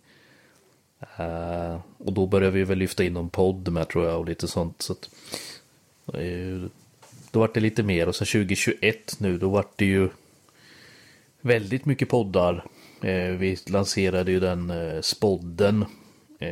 Och sen var det ju jag kommer inte ihåg allt vi gjorde för sådär men det tar ju det tar ju lite tid att, att sätta ihop allting så att det var lite stressigt men det, det löstes ju. Men jag tycker ändå att eh, 2019 och 2020 var liksom det var, det var toppen där 2021 då kände vi väl ändå att vi vi hade lite bränt konceptet på något sätt. Eh, det vart ja, jag vet inte. Slentrian är väl ett taskigt ord att använda mot sig själv och sådär. Men att det, det blev liksom ingen edge i det. Man kom ingenstans med det riktigt kände jag. Så att eh, vi får väl se. 2022 får vi hitta på något annat. Ja, för det är ju väldigt enkelt egentligen. Alltså man, man vill ju gärna inte vara hård så här mot eh, folk och så. Men det brukar ju alltid vara så. Det kan jag väl lika gärna vara nu också. Men, men det, det är väldigt enkelt. Så här, gillar man någonting, kommentera, eh, skriv, dela, vad fan som helst. Så att vi vet att ni tycker om eller uppskattar eller vill ha mer av någonting. Om, om ingen säger ett ord. Det enda som kommer hända det är att då lägger vi ner dem och gör något nytt istället. Om ingen skulle kommentera poddarna då skulle inte vi göra några poddar. Om ingen skulle göra krönikorna, ja, då skriver jag inga krönikor. Så enkelt är det. Eh, och det är ett ultimatum som vi faktiskt måste kunna lägga för att jag menar vi lägger jättemycket tid på många grejer och om man inte hör bu eller bä utan ser bara grå statistik. Hur fan ska vi kunna veta om folk gillar det? Nej, precis. Ja, det är svårt när man eh, kommer ut med någon, någonting och så, så får man inget gensvar. Då tänker man ju kanske ganska omgående att ah, men det var inte det här folk ville läsa eller lyssna på eller så. Då, då skippar vi det och går vidare. Och så kanske det var jättemånga som tyckte att det faktiskt var bra. Så det är svårt. Så att, eh, det, absolut, jag håller med Tomma där. Det hade varit uppskattat att få någon kommentar eller en tumme upp på när vi delar det på Facebook eller sådär. Så då vet vi ju om att det, det är uppskattat och, och kan arbeta vidare med det och utveckla det också för den delen. Ja, kom, kom igen och gilla och dela nu. Ja, och det är inte, men det är inte det vi sitter och fiskar om här idag. Men det, det är ett bra sätt Nej. för oss att se att saker och ting eh, eh, funkar och att vi ska fortsätta arbeta med det också. Så, eh, så, det, så, så det blir ju att göra sin egen tjänst. Gillar man det så gilla, gilla det, så ser vi det. Ja, för grejen är att många tror ju att de här tummarna och hjärtorna eller vad, hjärtan och vad man nu kan trycka på, att de på något vis genererar pengar eller någonting. Alltså det är ingen för, utanför vårt lilla community som ens ser hur många tummar som är lagda på. Vi tjänar absolut ingenting på det. här. det, det eh, inga reklampengar, ingenting. Utan det är helt och hållet för våran skull att vi, vi ser vad som går hem och vad som inte går hem. Ja. Men folk är ju jättekonstiga. De, de nej men jag tänker inte gilla det här. Det är helt omöjligt. Så. Även fast man tycker om det man har läst eller hört eller sett. Så fortfarande bara, nej men vad, vad fan ska jag gilla det här för? Och, och, jag tycker det är lite märkligt för att eh, om man nu ändå tycker om att, att se och höra och läsa de här sakerna som vi eller vem som helst gör. Då kan man väl lägga en tumme upp eller om man tycker att det är dåligt då får man väl skriva att det här var väl inte det bästa ni har gjort. Ja, då vet vi ju i alla fall. Ja, precis. Men eh, samtidigt måste fått mycket fina eh, kommentarer och sånt där i övrigt eh, emellanåt. Lite messengermeddelanden och, och sånt där va. Några mejl. Som, folk som har uppskattat saker som ni har gjort. Ja, ja, absolut. man har ju så att säga som en, som en fanbase så där så att om, man säger till exempel Bullen, Bullen han har alltid varit väldigt stöttande, skriver jättemycket, bra, det här var kul, det här var, ja, alltså mer sånt. Så, alla, alltså, alla vinner på det, vi blir bättre på det och kan lägga fokus på det som faktiskt går hem då. Precis. Så nu är det väl lite så här att eh, julkalendern den eh, går i graven då kan vi säga. Ja, jag ska inte vara någon Hitler här, men den går ju i graven tack vare att, eh, att folk inte... Ja, alltså de reagerar inte. Vad fan ska jag sitta och skriva någonting som ingen verkar reagera på? Då får ni väl skriva själva. Och det har varit lite så att det skrivna ordet det är det som har lite fått sämre, ja inte sämre, vad ska man säga, det har inte varit lika mycket tummar upp på det som det har varit på eh, Eh, eh, poddarna och sånt som har gjorts och filmerna. Det är, där, det är det som har lyft lite i Swedish English på sista året va? Det är lite olika. Som krönikan brukar ju få kanske till och med flest kommentarer. Men det är för att det är ofta att det är så pass skruvat att folk känner sig tvingade att, att skriva någonting där. Så att, så att just det här segmentet har ju gått rätt så bra. Men sådana här ABC-artiklar som både jag och Krille har skrivit, att så här fångar du vinterfärnen eller så här funkar lyftmetoden. De, de har vi ju mer eller mindre insett att det är inte värt att lägga tiden. Alltså visst, det kan vara fem till tio personer som tycker att det är jätte, jätteviktigt. Mm. Men det kan de ju hitta på engelska sidor eller andra svenska sidor eller var som helst. Men en, en Rodpod kan du ju inte hitta någon annanstans. Så det är bättre att vi lägger kruten där då. Ja, så man kan säga att eh, framtiden med Swedish English det handlar mycket om eh, poddar och film egentligen. Ja, det handlar om det folk vill. Alltså jag, jag kan skriva erotiska noveller om det där folk tycker. Att, det spelar inte mig någon större roll. Ja. Men något som jag har märkt på senare år, eh, ja, i alla fall det sista året, att det kom, kommit in väldigt mycket gästartiklar. Mm. Folk verkar ha varit lite, tända på det här och, och, eh, och skriva lite historier och skriva om sitt fiske och sånt där och så skicka in det till English. Det är jäkligt kul. Jag har läst mycket sådana bra artiklar på senaste tiden.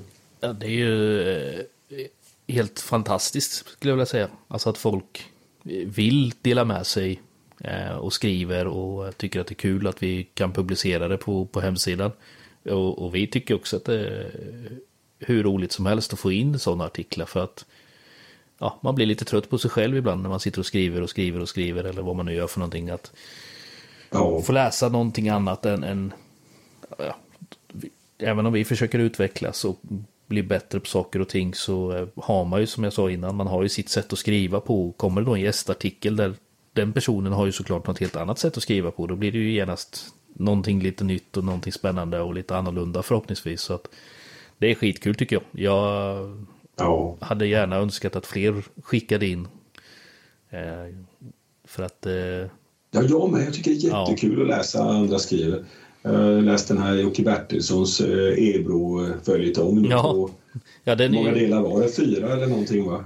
ja, jag delade upp den i fyra gjorde jag. Eh, Ja. Men det var ju Jättekul läsning. hur häftigt som helst egentligen att få in liksom en dagbok på detaljnivå över två Ja. veckors fiske som var helt fantastiskt för dem. Eh, Bara få publicera en sån grej tycker jag är skitkul. Att folk vill dela med sig av sina fiskehistorier. Det är ju ja, det är skitkul.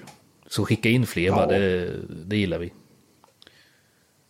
Ja, nej, den, den var riktigt jäkla bra faktiskt. Det, det är roligt att man, att man tar sig tiden och, och liksom försöker sig på att skriva. Det, det är många som har hört av oss till oss att fan, jag har egentligen aldrig skrivit men jag har några stories som jag skulle vilja berätta. Är det okej om jag skriver någonting? Ja, självklart, skriv. Precis. Och sen har ju ni korrekturläst lite och fixat till också så man behöver inte vara världsmästare liksom, för att skicka in en artikel. Absolut inte. Det kan komma jättekonstiga, eller det var fel ord, men alltså. Eh, jag tänker till exempel som han Glenn som delar med sig från braxfiske som hade hänt för jättelänge sedan. Mm. Ja, just det. Att, att folk kanske någonstans tänker att det ska vara relevanta grejer. Att det här var jag med om förra veckan eller för två månader sedan. Så, men du kan ju lika gärna beskriva ett fiske som hände 87. Ja, Ja, det är jätteroligt att läsa om. ja. ja. Ja, och, det är där jag tycker det är så häftigt att någon, någon har suttit hemma och uh, tänkt att fan, jag skulle vilja dela med mig av det här som hände för 15 år sedan. Och sen gör man det. Eller som Sandströms malgrej till exempel, med, både med video och allting. Och, Ja, oh, den var ju häftig med ju. Mm. Ja, och den var väldigt så här, oväntad eftersom det är en väldigt, väldigt känslig fråga det här med malen. Så att det, det kräver ju sin man att göra en sån där grej. Att, uh... Visst gå ut med att man har fiskat mal. Så här tycker jag att det kanske, det kanske är dags att släppa på malfisket. Och sen får man ju tycka och tänka vad man vill om det. Men det är hans ståndpunkt och det måste man respektera. Och som man skrev i artikeln att ja, jag har ju sotat för mina brott. Precis som med allt annat, alltså, det, det är vatten under bron. Så eh, eh, alltså, jag, jag tyckte det var jättehäftigt. Jag var väldigt förvånad när han tog kontakt med mig. Och, och liksom, skulle det här vara någonting? Oj, det där blir en het potatis. Men nej, fan, vi kör. Jag frågar Krille, liksom, vad fan, vi kör. Vi måste ju kunna vara ja, men sådana med. Man måste ju få chansen att och, och kanske peta i en fråga som är väldigt känslig. För det blir det ju lite också när vi väljer att publicera en sån sak. Eh, mm. Jag fick ju faktiskt ett telefonsamtal kopplat till det där till mig om, eh, om att det kanske inte var det bästa vi har gjort och så vidare. Men samtidigt så tycker jag att det, påvis, det påpekar ju bara en sak. och det är ju att det tjuvfiskas mal i Sverige och, och det ska man då försöka tysta ner. Gör man det på det här sättet så kanske man faktiskt påvisar att det, det, det förekommer och det finns och att eh, är man då inte beredd som myndighet eller vem det nu än är som är ansvarig för att kontrollera de här sakerna. Ja, här ser ni ju svart på vitt. Det finns folk som tjuvfiskar nu. Ska ju inte säga att Sandström gör det för hans, han, han, hans historia är ju preskriberad som han själv sa. Eh, mm. men, men jag tror att det förekommer ett eh, stort mörkertal av, av eh, tjuvfiske på mal idag och då kanske en sån här artikel kan lyfta fram att kolla det finns faktiskt tjuvfiske efter mal och gör någonting åt det då om det är ett känsligt ämne. Eh, nej men det, nej, det är så. Men jag tycker med och det var väl likadant när vi publicerade det här om Kalmarsund så vart det ju också eh, lite fart på grejerna och Ja. Eh, det var väl inte jättemånga som tyckte att det var så bra och vi hade sabbat hela upplägget och allt vad det var för någonting. Vi, jag, fick, jag, ja. fick väl med något telefonsamtal tror jag av någon som var sur då med och, och tyckte att det var jättedumt och så vidare. Men...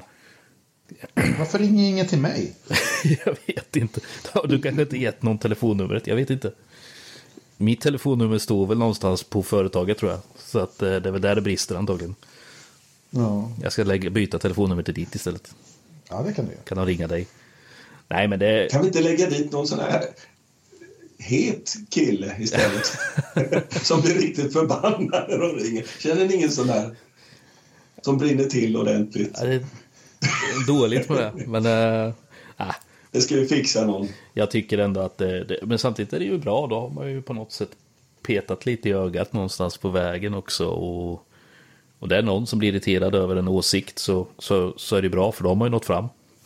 Ja, visst det. Så att, ja. måste ju Men vi ska inte påverka lite. Vi ska inte fastna vid det nu. Nej. Vi får gå vidare. Ja, det får vi göra.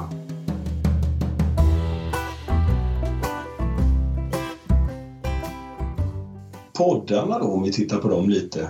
Vi har ju två stycken som ni har kört igång. Swedish Anglers Rod Pod då, den som vi babbar i här nu. Och sen en spodd. Vad är det för tanke med dem liksom? Ja, eh, det var väl mitt fel att vi drog igång Rodpodden tror jag. Mm. Eh, jag tyckte att det saknades fiskepoddar rent generellt. Det här måste ju varit... Oj, när kan vi ha publicerat den första? Kan det ha varit 2018 eller något sånt? Eh, Spelade vi in den i maj va? Ja, det var ju med, med Henrik Stahle var den första och då satt vi vid, vid Emån när vi var och fiskade Färna och spelade in den på natten där lite katastrofalt sådär. Men eh, jag hade ju ingen aning om vad jag skulle göra. Eh, det är ju trial and error, försök på försök för att få någonting vettigt. Så det var precis mm. likadant här. Så vi spelade in den och publicerade och eh, det är ganska roligt för att det är faktiskt en av de poddarna som fortfarande går bäst. Om man kollar rent mm. på statistiken månad för månad. Så. Eh, ljudet kan väl inte vara så katastrofalt om folk orkar lyssna på det. Nej, jag tycker det är jättebra alltså. Eh, och, eh, han pra, pratar så mycket bra, Göran Stahle. Riktig babbel. Ja, han kan babbla. Ja. Det, är Men lite annan, det är lite annan känsla på den podden eftersom ni sitter där och håller på och pratar och, om liksom ett, ett fiske som ni precis har upplevt och så. Det blir ju inte de här minnespoddarna som vi har hamnat lite i på slutet här. nej, nej, det blir ju väldigt sådär aktuellt på något sätt att vi berättar om vad vi har gjort. Men sen även försöker gå in lite på vad, vad Henrik har gjort genom åren och så vidare. Men vi fastnar ju väldigt lätt såklart runt det här fisket. Och vi hade ju ingen plan, eller jag då när jag drog igång den. Vi hade ju ingen riktig plan för hur man skulle lägga upp det eller vad man skulle tänka på och sådana saker. Utan eh, det har vi ju försökt, som precis med allt annat som vi har pratat om, att man får ju justera det efterhand och försöka hitta någon form av linje att gå på. Och eh, våran roddpodd har ju blivit i de flesta fall en, en gäst där vi babblar kring dennes fiske eller någon specifik händelse eller vad det nu kan tänkas vara för någonting. Mm så där har ju blivit Rodpod i riktningen.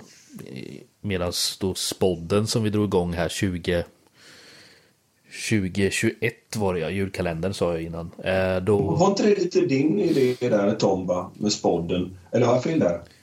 Jo, Du vill det ha var väl någonting lite... annat vill du ha? ja, Jag tänkte väl lite grann så här att ibland så när man har rodpod och sånt där så hamnar man på eh, lite så här sidospår.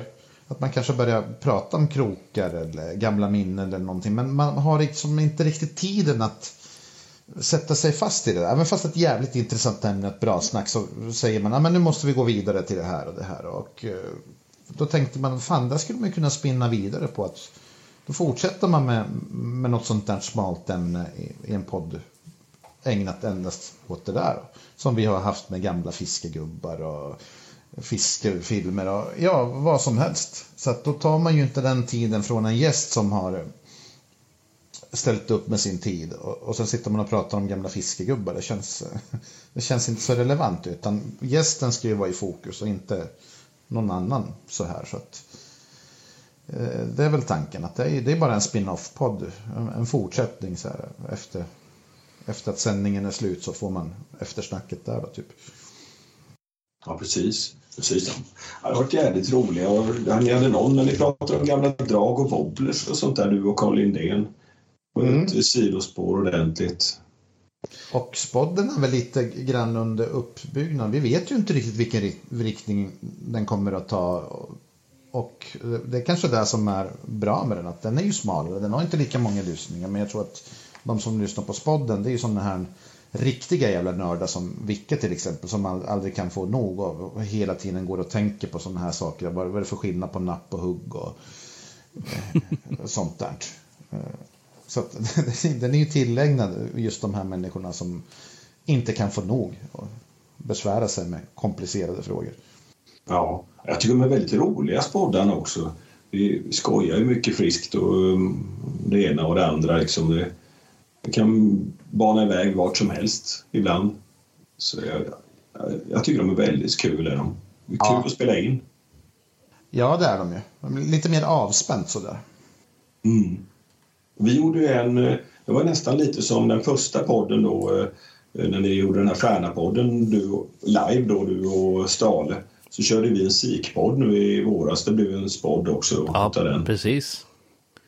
Den tyckte jag var kul att göra som fasen. Då satt vi och metade sik i, ute på en ö i Kalmarsund och satt och babblade om en det ena och en det andra. Ja, det, det- alltså det är, ett, det är ett roligt koncept tycker jag när man sitter och spelar in det. När man kan eh, fiska samtidigt och prata om det man har framför sig. Men ändå prata lite historia eller prata om något ämne eller vad man nu känner att man vill, vill göra. Så har du den nerven i det. Vi hade ju, eller du var ju inte inblandad i den fadäsen. Det var ju jag som helt enkelt bommade inspelningen någon gång när vi faktiskt fick lite napp och lite annat. Vi, vi hade ju ett bra där snack, Ja, ju. 10 minuters race och eh, så vart det ju någon jävla skit med inspelningen så det vart ju ingenting, det vart bara tyst. Då var jag inte Nej, var supernöjd. synd.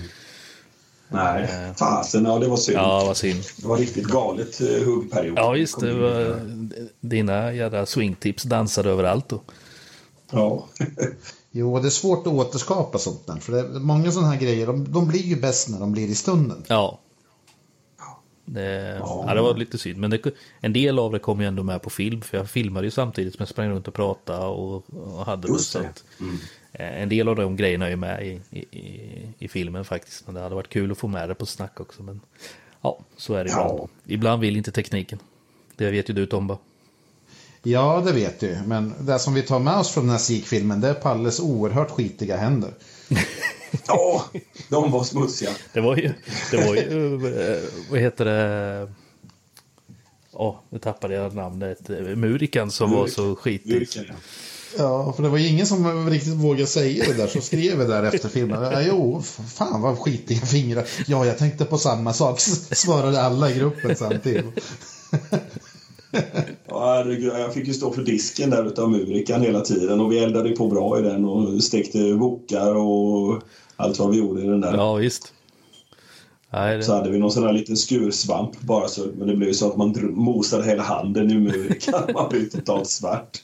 Det tänkte jag inte på förrän eh, jag fick se filmen sen. Fy fan. Nej, jag tänkte inte heller på det för mina händer var likadana. så att, eh, Nej, men det var en rolig detalj. Ja. Alltså, det är sånt där som man garvar åt efteråt. Att, fan vad konstigt att alla, alla la märke till det där. En lång, lång, lång film om sikmeter och allt möjligt. Men det enda man kommer ihåg är Palles naglar. men det är ingen annan som har sagt någonting om det faktiskt. Det är inte det? Ingen som törs, ja. Ingen som törs. Nej. och jävlar. de, eh, de kanske tror att det är från uh, masklådan. Ja, precis. precis. Det, Helt naturligt. precis. Hur ser det ut framåt då med filmer och eh, poddar och grejer? Det, hur ser upplägget ut? Är det något på gång?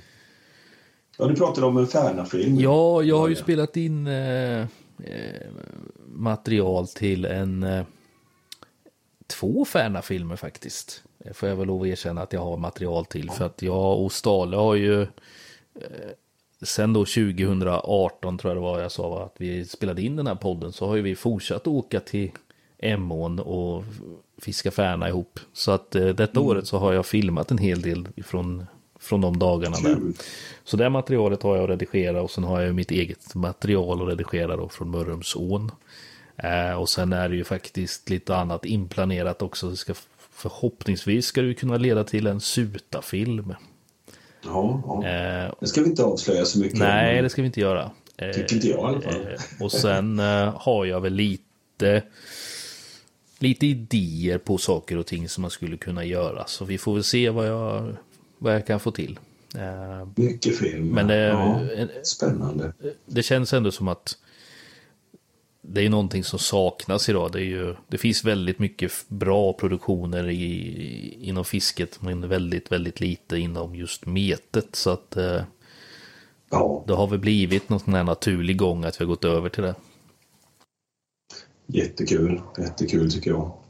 Ja, det behövs verkligen. Ja. Det finns ju, Bivi Kaffe har ju kört lite, lite filmer, men det blir ju färre och färre där känns det som. Det har inte kommit någon på länge nu i alla fall. Och sen Sandströms eh, lilla vlogg. Den missar man ju aldrig. Jag tycker den är fantastisk. Eh, Jättemysigt är det. Men det är ju bara, men det är bara karpfiske och sen lite gäddfiske. Eller bara bara, ska vi inte säga. Men, men det, är ju, det är ju hans grej. Han är ju inte... Han fiskar nog inte så mycket färna eller björkna eller någonting sånt där. Så att, jag tror att Krilles filmer och Baronens möjligtvis om man får tummen ur här någon gång så så fyller vi nog en lucka som, ja, som definitivt finns där. Ja, nej men det är ju det, man, man ska ju inte kliva in på, på andra lite så heller. Vi ska ju inte upprepa Karp finns det ju mycket som ni har sagt och, och sådär. Så då får vi försöka fundera lite på vad, vad finns det inte så mycket av. Ja, sikmeter var ju väldigt eh, lite av. Så att, eh, mm. eh, nej men det, jag tycker det är skitkul att vi vi kan komplettera varandra på olika sätt med runt omkring. Så, ja. eh, jag tycker du gör film på ett sånt kul sätt, Krille. Du, det är inte massa så här action, rycka, slita, dra, drilla, hova, eh, eurodisco, musik, dunk bakgrunden. Utan du hittar en sån jävla fin känsla. Den där goa känslan eh, som man har när man är ute och fiskar och lugnet och naturen och det här. Ja, det gillar jag jag, nu, nu, kommer man väl in på den där åldern igen kanske, jag vet inte men.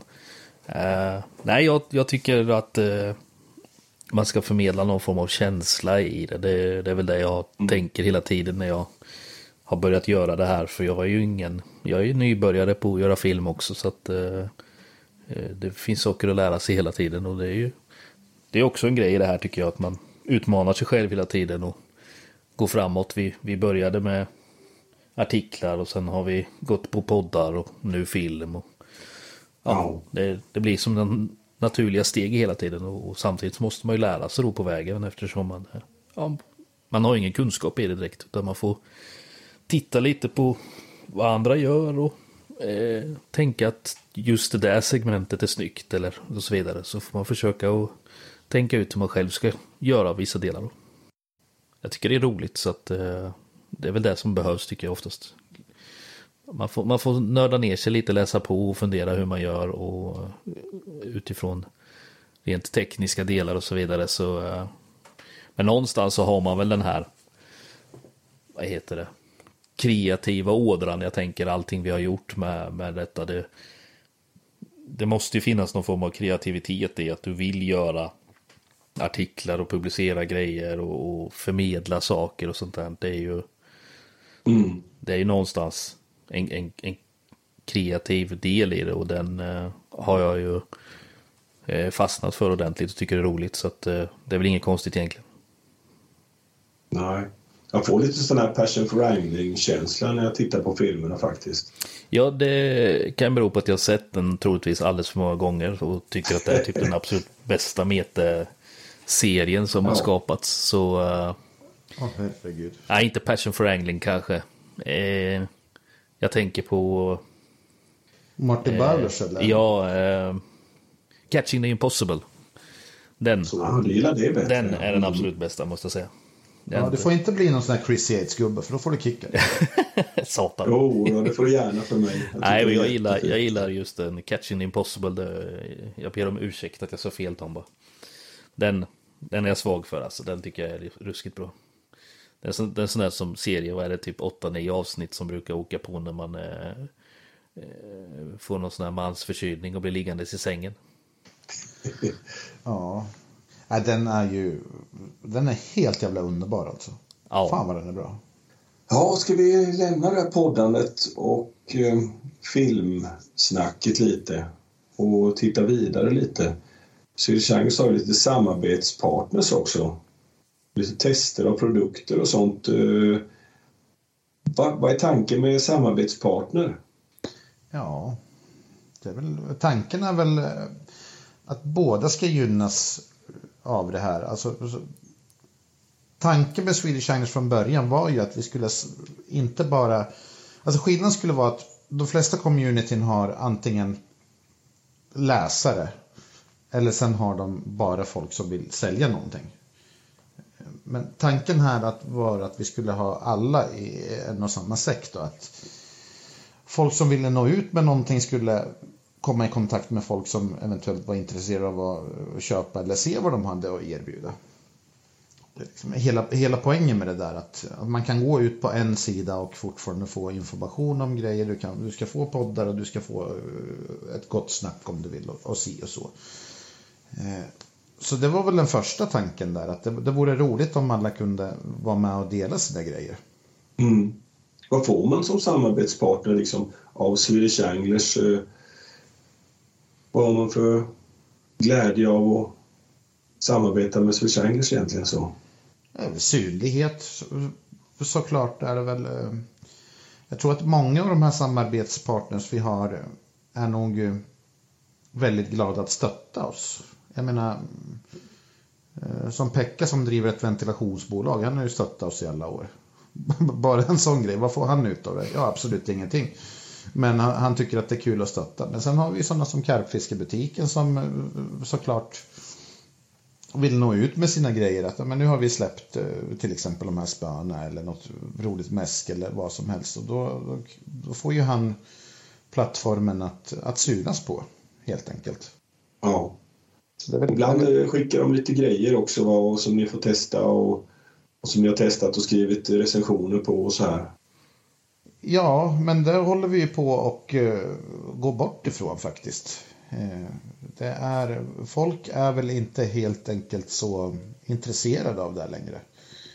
Nej. Eh, Krille kan nog förklara det här bättre än vad jag. Ja, alltså det är ju... Det har väl egentligen varit svårt från första gången att göra någon vettig eh, recension så. Jag vet inte riktigt om vi... Vad som har varit att det inte har funkat så superbra. Men intresset har ju varit svalt. Det ser man ju på hur många som läser och så vidare. Och man ska hitta en produkt som många vill ha och sådana saker såklart. Men rent generellt så tror jag att i Sverige är det svårt med just recensioner och eh, varför den här produkten är så bra och så vidare. Utan eh, eh, det, är inte, det är inte det vi, vi vill ha. Däremot så kanske är det enklare att nå ut med en produkt så sätt som i om man visar den i samband med någonting, alltså ett fiske eller vad som helst. Att jag använder den till det här. Och sen är det ingenting mer. Det blir liksom inte fokus på produkten på det sättet. Eh, jag tror att det är, det är lättare att ta till sig för att det, ja, vi har väl egentligen aldrig varit så superbra kanske på recensioner i Sverige när det kommer till prylar. Känner jag. Alltså det är väldigt sällan det är med så mycket sånt i tidningar eh, som är av som, som man själv tänker har varit speciellt bra. Så att det, det är nog svårt. Eh, så därför har vi känt att det, det är ingen idé att vi håller på och fortsätter och testa någonting, publicera det och sen så kanske den produkten inte alls var speciellt bra och sen så utgår den efter ett halvår eller vad som helst och sen så helt plötsligt står man där med en, med en recension av en pryl som, som inte fyller något syfte varken för, för oss eller för, för den som har önskat få den recenserad heller. Så att eh, det, det, är ju, det är ju bara det är bara bortkastad tid för alla och pengar såklart. Så att det är onödigt att hålla på med. Så därför har vi helt enkelt valt att och gå ifrån de bitarna att just produktrecensera saker och ting. Sen kan man ju, ja, som man, jag vet jag har gjort i någon film, att man har kanske visat upp någon specifik grej som man använder som, som man tycker är bra och då är det lättare att, att se det som någon form av kort recension eller vad det nu skulle kunna vara för någonting. Men det är ju, det är ju prylar som jag köper själv, som jag har testat, alltså som jag tycker är bra och så vidare. Så Ja, eh. sen snackar vi väl om det i poddar och sånt också emellanåt. Eh, ja, vi gjorde en recensions... vi tycker är bra så. recensionspodd gjorde vi väl någon gång, vad hette den inte det? Jo, men den var väl lite den... halvpoppis i alla fall. Ja, den har ju ändå gått bra och där är det många som har lyssnat och hört av sig och ställt frågor till grejerna som vi har pratat om. Det var så sent som igår tror jag någon skrev till mig som hade lyssnat på den och sa att var någonstans hittar man det här eh, spöfodralet ni pratar om i podden och så vidare. Så att mm det finns ju ändå en, ett intresse av det, men just i textform och som en artikel där du försöker på något sätt lyfta fram bara den här. Då blir det, ja. det blir inte det blir inte bra, det blir inte snyggt, det blir inte... Eh, det känns lite förlegat på något ja, vis. Precis. Det känns lite som någon ska stoppa ner någonting i halsen på en. Och Nej, då är det roligare liksom. att köra som vi gjorde den här recensionspodden. Det var ju kul att spela in för att då fick man ju lite nörda ner sig i grejer som man själv har handlat och tycker är så jäkla bra och sådär. Det blir liksom inget ja. påtvingat att någon skickar en grej som man ska prova. Det blir svårt. Och, gillar ja. man den inte, hur gör man då? Och så vidare. Eh, nu ska jag inte säga att vi har fått mycket sånt genom åren och, och vi har ju inte heller kanske efterfrågat det. Men några sådana har vi ändå gjort. Så att... ja. ja, precis. Men eh, det, det, är roligare att bara sitta och snacka. Hur många, Ja. Hur många samarbetspartner har Swedish Anglers eh, totalt så? Det är väl... Eh, är det så man kan nämna dem eller är det bara... Det är, väl inte sådär supermånga vi har egentligen. Det är ju Karpfiskebutiken, eh, Fiskekällan, mm. eh, Swedbait. Swedbait. Pekkas. Pekkas har vi ju. Pekkas Bra klimat. Eh, och sen har vi ju eh, Met... Eh, metmask. Ma metmask skulle jag säga. Ja, mm. och eh, Carl-Johan Månsson har vi också som är med och eh, syns på vår hemsida bland annat och, och lite sådär. Han skriver ju även en hel del mm. artiklar till oss och sånt så att det är en samarbetspartner med som är Ja, fisk, fiskekompaniet i Lundsholm eller? Fiskekompaniet har vi med ja. Ja, precis. Eh. Jo, men det är väl, eh, det är väl lite olika. Så man, kan väl, man kan väl göra en, helt enkelt en, en liten deal eller någonting. Ibland så kommer det lite mindre aktörer så här som, som säger att eh, ja men som Birger till exempel att fan nu har jag släppt en bok här, skulle jag kunna använda er plattform för att liksom göra reklam för den. Och det hade han ju säkert kunnat gjort även utan. Men, men han sa ju, men vad fan då kan ni ju lotta ut någon bok så där så att det blir lite tävling och lite hype kring det där. Så att, eh, då blir det ju jävligt roligt sådär att man att, det spelar ingen roll egentligen hur liten du är så har du alltid en chans att kunna få vara med och, och synas sådär. Ja, Ja, precis. Och även eh, de som bara skriver artiklar och sånt eh, och skickar in till Swedish Angus, det är en typ av samarbetspartner det också. Precis. Det behöver inte vara på det ekonomiska planet alltid utan allt som bygger upp hela Swedish Anglers, att det blir större, att det blir matigare, det liksom samarbetspartner. Ja. Jo, så är det ju. Och sen är det ju, det är ju ett företag så att vi måste ju kunna få in lite pengar så att vi kan hålla på med det här. Jag menar plattformarna kostar ju och sen som sagt vi köper ju mikrofoner, vi köper eh, datorer, kameror, vi trycker tröjor och, och sånt där som det går, klistermärken och ja, you name it. Alltså, det går ju åt ett x antal 10 000 varje år bara till att hålla det flytande sådär. Så att om, inte vi skulle, om det inte skulle finnas folk som tror på vårt koncept så då, då skulle vårt koncept falla som ett korthus. Det, det, finns ingenting kvar då. Nej. Så kan man säga nu om, om, om det är folk som gillar Swedish Anglers och vill stötta det, det finns det plats för att ytterligare samarbetspartners eller? Ja, som, som sagt vi kan ju sy ihop en, ja vad som helst i stort sett. Mm. Då hör man bara av sig till er så. Ja, absolut. Ja, snackar, vi, snackar ni vidare. Och så måste vi ju passa på att tacka alla med som har eh, stöttat oss genom åren med swishbidrag och annat som, eh, och köper våra prylar och sånt där. För det, det genererar ju pengar in som i sin tur genererar någon form av vinning tillbaka till dem som tycker om det vi gör. För ja, mm. som vi säger, vi, vi tar ju inte ut någonting i, i, i stoppar pengar i fickan på något sätt. Utan vi, vi försöker ja, hela tiden använda pengarna till att utvecklas. Och ju mer vi publicerar desto dyrare blir det. För att eh, det krävs mer och mer eh, yta på, till poddar och hemsidor och så vidare. Så att eh, kostnaderna ökar ju, ju mer vi publicerar. Så att eh, då är det bra att få in lite stålar. Ja, Men, eh, ja jag tycker faktiskt, jag upplever det att det är, faktiskt tycker jag att metet har vuxit mycket sen eh, Swedish Anglers kom till startade upp. Jag tycker det känns mycket större nu på något sätt. Eller är det att allting har samlats runt Swedish Anglers? Det kanske är så det är. Ja, alltså, det är klart det blir ju det är mer synlighet kring metet. Alltså, om, om du kollar på Swedish Anglers-loggan bara på, på, hur många ställen den syns nu för tiden. Alltså med kläder och det är många olika människor som köper den. Och, alltså man kan till och med stöta på Swedish Anglers tröjor Alltså de mest konstiga eller folk som man inte vet vilka de är. Så, så det är lite, det är lite roligt så här. Men jag tror att det, själva fiskeboomen har ju blivit väldigt bidragen att många människor har börjat fiska efter predatorer, gädda, abborre och sen när de håller på med det där precis som vi har gjort och börjar med det där så, så tänker man att det måste finnas någonting mer. Alltså, vi kan inte bara åka till samma sjö och, och kasta efter abborre livet ut utan Nej, men det är lite så att när man är liten och fiskar man efter gädda och abborre och sen går man över och blir specimenfiskare när man blir äldre och får lite sunt förnuft.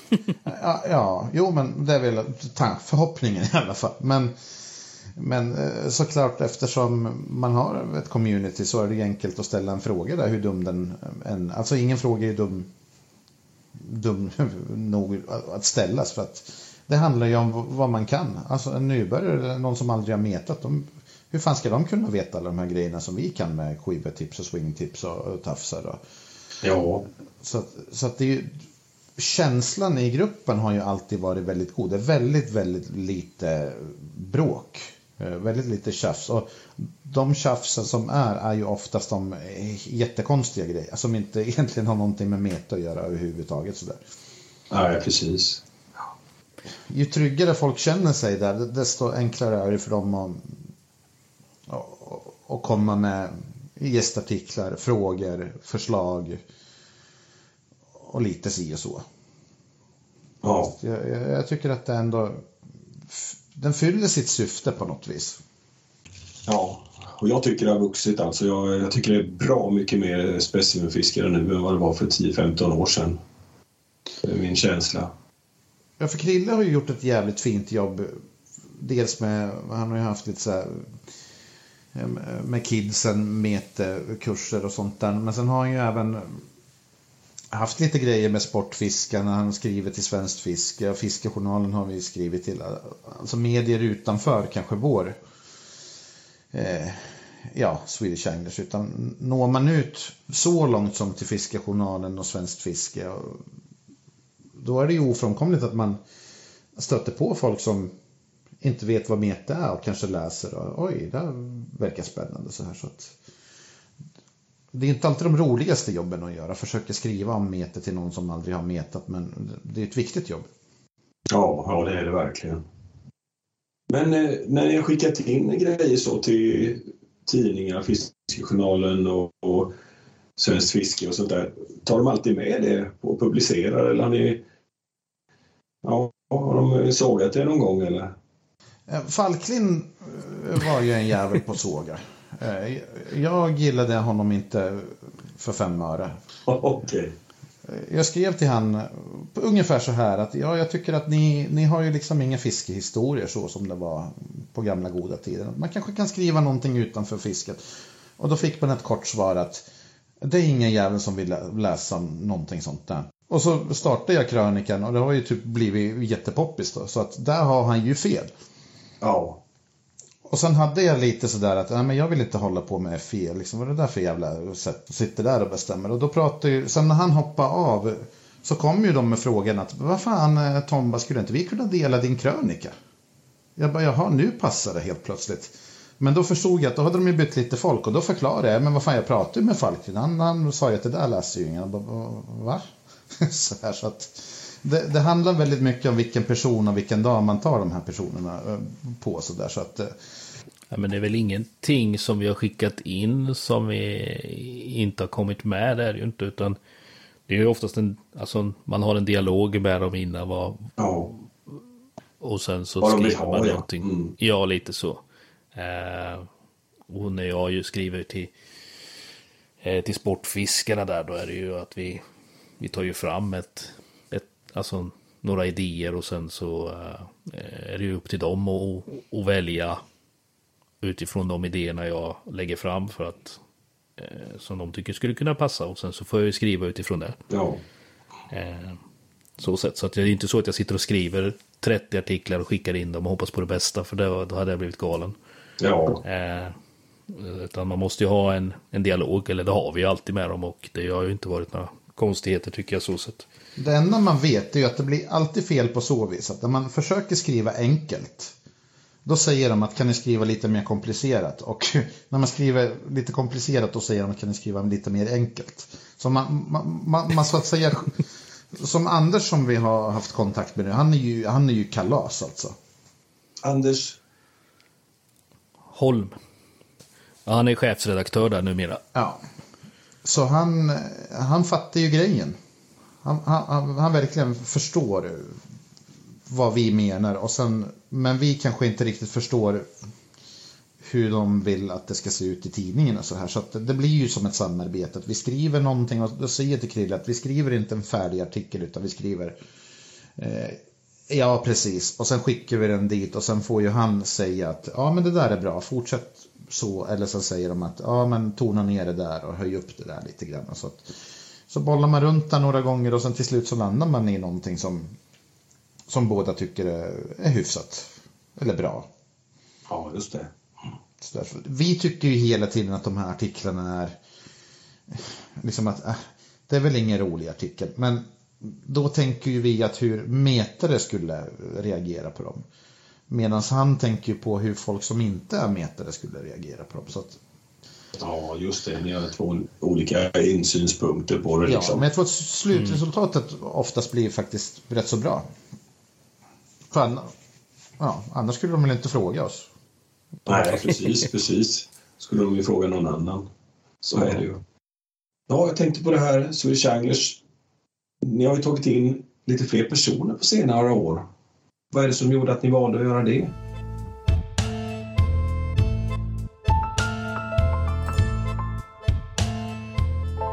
Egentligen fler, flera olika anledningar. Som Rosen, vi valde inte honom, han valde oss. Ja, oss. Vi, vi, vi har bara inte blivit av med honom. Nej, men han följde med till första Ursjöresan där och sen, eh, vad heter det, Krille kände ju honom. Sen, jag vet inte hur väl sådär, men vi klickar ju väldigt, väldigt bra. Sen, sen dess så har vi typ blivit väldigt goda vänner så här, så att eh, varför inte? Eh, bra folk kan man ju inte få nog av. Ja, precis. Men sen så, sen så tänkte vi lite grann att vi måste ju vi måste ju dels bredda oss lite grann och sen dels måste vi ha lite hjälp för att eh, vi är ju trots allt två varav Krille gör 80% av allt jobb med allting. Så, så känner vi att vi, vi måste avlasta Krille lite grann. Och då tänkte vi lite så här att vad vill vi ha för personer? Eh, Vi vill ju såklart ha kunniga personer men vi vill även ha personer som som brinner för mete och då tog vi in dig, Vicke och eh, Baronen då. Ja, just det. Mikael Zentio, där baronen och sen eh, Viktor Hallensjö snackar vi om då. Precis, och, och, det, och det var ju... Vad heter det? Jag kommer fan inte ihåg hur Baronen halkade in. Det minns jag inte. Han, han bara var där en dag. Men, Ja, nej men det var väl lite vi... men mässan var det ju för fan, Sportfiskemässan. eh, Precis, så vi... vi eh, det var ju någon... Jag kommer inte ihåg vilket mässa detta kan ha varit, men vi... Vi ansvarade ju för Metertorget på Sportfiskemässan och jagade runt lite eh, fler företag som ville vara med och då eh, eh, slängde vi frågan till Swedbait och då var det ju Hallensjö och Centio som vart representanter där och sen så eh, på den vägen blev det ju att ja, vi, vi snackade mycket där och sen så lärde man ju känna dem och började fiska lite med dem med några gånger här och där och lite sånt där. Och sen eh, eh, Centio körde ju en hel del eh, eller var, var väl ville filma mer och komma ut med, med material och vi behövde väl kanske någon som kunde dra igång med lite filmer för det var ju någonting vi saknade och vi kanske inte riktigt hade tiden till i, i, i det läget. Nej. Eh, så då tog vi ju in Centio till att börja göra filmer och sen så kände vi väl att vi behöver ha ännu mer stöttning i, i ja, både till poddar och till, till, till artiklar och så vidare så att eh, då vart det ju lite bredare ställd fråga egentligen ut till er också då. Mm. Eh, Ja, det har varit ju- väldigt mycket olika folk i poddarna på senare år. Alla de här ni, ni har snackat om, Rosen och Centi och Vicky har ju varit med och jag också på, på senare år i poddar. ja, Mm. och det, men, men det krävs ju nästan också för att vi ska kunna hålla uppe någon form av eh, kontinuitet för att kollar man historiskt så eh, kanske vi lyckades släppa två till fyra poddar om året i början. Eh, och nu har vi ju en målsättning att försöka släppa en varje månad och hinna med och spela in och eh, redigera och sen samtidigt fixa med eh, artiklar, filmer och så vidare. Så det är svårt att hinna med allting när man bara är två så att nu är vi Ja. fem och, och, då underlättar det ju extremt mycket för oss. Jag redigerar ju ingenting, men det gör ju ni. Och det tar väl tydligen typ fyra till åtta timmar att redigera en podd, va? Det kan vara hur mycket arbete som helst. Ja, om den sträcker alla gånger. Ja. Eh, lite olika från gång till gång beroende på hur mycket man måste klippa och så vidare såklart. Men allt mellan eh, fem till tio timmar för en podd som är på två timmar ungefär skulle jag säga. Ja. Eh, och, eh, så att eh, det, det tar ju tid att sitta med dem och sen ska man hitta den där tiden och sen så ska man boka in med gäst och det ska spelas in och sådär. Så att det tar ju alltid mer tid än vad man tänker sig. ja. Så det är skitbra att med några stycken som, som kan cirkulera kring dem och samtidigt så är det bra med för då blir det ju inte samma personer varje gång och det blir lätt att man kanske jag ska inte säga ställer samma frågor för det blir ju svårt beroende på vilken gäst det är men det blir ju ändå någon form av att man har sitt sätt att, att, att, att vara på. Visst är det. Mm. Och sen är det ju med, med er tre, eh, nej fyra är ni ju för fan. Mm. Eh, så jag och Krille har ju haft den här startsträckan på tre år eller någonting innan vi har så, så att säga, kommit in hur vi ska, hur vi ska jobba och si och så.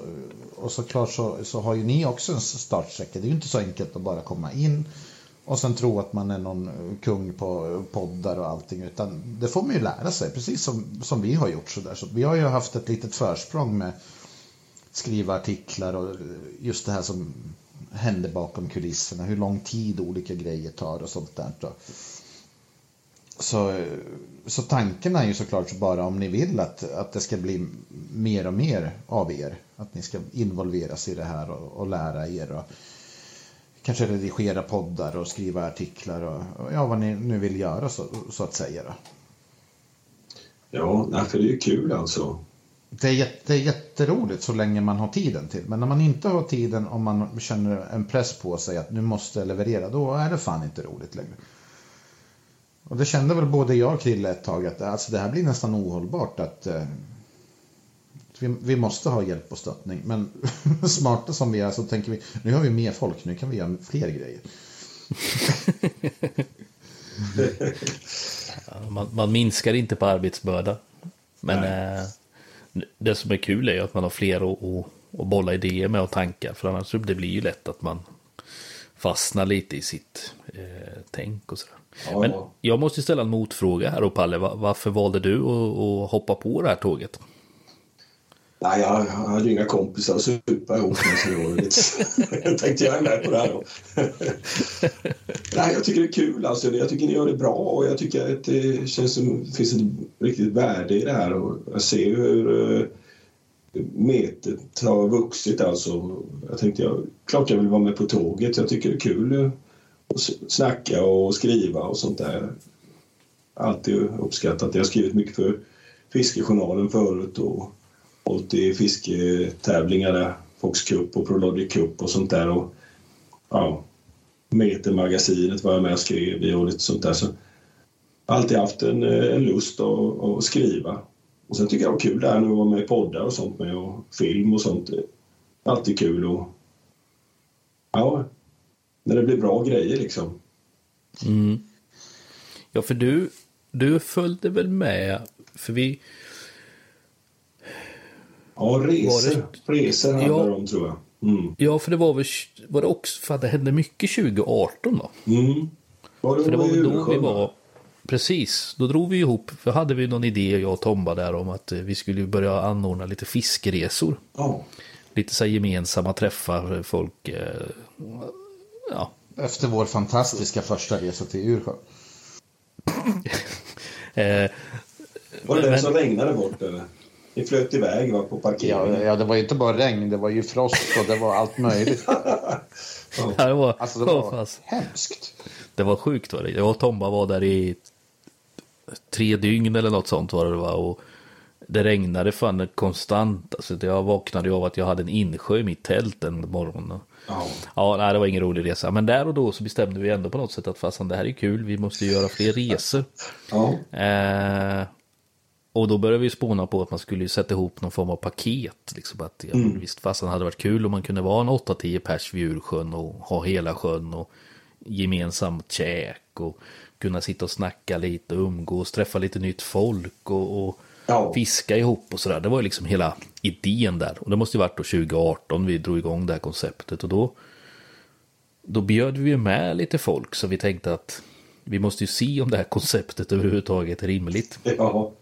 Eh, och då var väl du inblandad där då? Ja. Vi hörde väl av oss till dig tror jag och frågade om du ville haka på till Djursjön och så var vi ett gäng till. Ros var med och ja. eh, lite sådär. Så. så på den vevan så lärde vi ju känna dig där Palle. Mm. Eh, sen körde ni sen... mera resor sen. Det blev lite årlig tradition med det där med Djursjön. Ja, men alla som varit med tyckte det var så jäkla roligt så att de ville mm. göra det igen och igen och igen. Och vi hade inte riktigt tiden till att anordna fler. Så det var liksom någon form av årlig tradition med de personerna som var med. Ja. Eh, och likadant sen har vi ju startat vi upp det här ihop med dig, Cashios-racet. En mm. garptävling som vi anordnar i Cashiol där. Eh, och där har vi också bjudit med ett gäng folk för att testa och det är ju inte många som vi har bytt ut där genom åren nu va? Nej, det är ju inte det. Ja. Och några- inte någon enstaka som har-. Nej. Eh, så konceptet i sig är ju rätt roligt och intressant. Det svåra är ju att hitta tänkbara bra vatten där man kan fiska ihop och, och lite sånt där. Och sen, Ja. nu senaste åren har vi ju anordnat eh, sådana här Swedish Anglers träffar som vi kallar det för. Då är det ju vi, vi som är inblandade i det här som eh, åker iväg och hittar på något en tre, fyra dagar ihop och fiskar och snackar och har roligt. ja. Eh, så att, eh, ja, det, det, idén är ju god, men det är svårt att hitta tid till allt också såklart. Men ja, det är ju det. samt, samtidigt så har vi ju, några gånger har jag ändå lyckats få lite vettiga fiskar. Du fick ju någon, fick inte du en stor ruda när vi var Jo, där jag fick uppe? en ruda där 2-2, men det var Martin Bengtsson och jag körde en dag till då. Just det, Ja, det var dagen kvar. efter ja. Ja, Och Bengtsson fick ju en något år senare när han var med. ja. Martin där på... också 2180. runt- Ja, precis. Var strax under 2-2. Mm. Eh, sen har vi ju varit och kört lake med jag uppe i eh, Klarälven. eh, Klarälven där. Där har ju du Tomba dominerat. Du tar regg ju. Ja, jag fick en regg. En regga. Eh, Vad var det? 4 och 3? Ja, det var 4-3 blankt var det. Under sju vittnens vakande ögon. Ja. Ja, just det. Det var det ju. Så, så det var väl eh, den enda reggan som kom upp där. Men sen, det kom ju några fiskar, sådär 3 och 6 och eh, några sådana där. Men eh, vi gjorde ju två resor så att man kan väl inte, man kan väl inte kräva att det kommer gå på löpande band. Men det, det var ju trevliga, udda resor. Det var i december så att eh, det, är inte- det är inte ofta man roddar ihop en fiskeresa då. Nej, det är ju häftigt ju. Ja.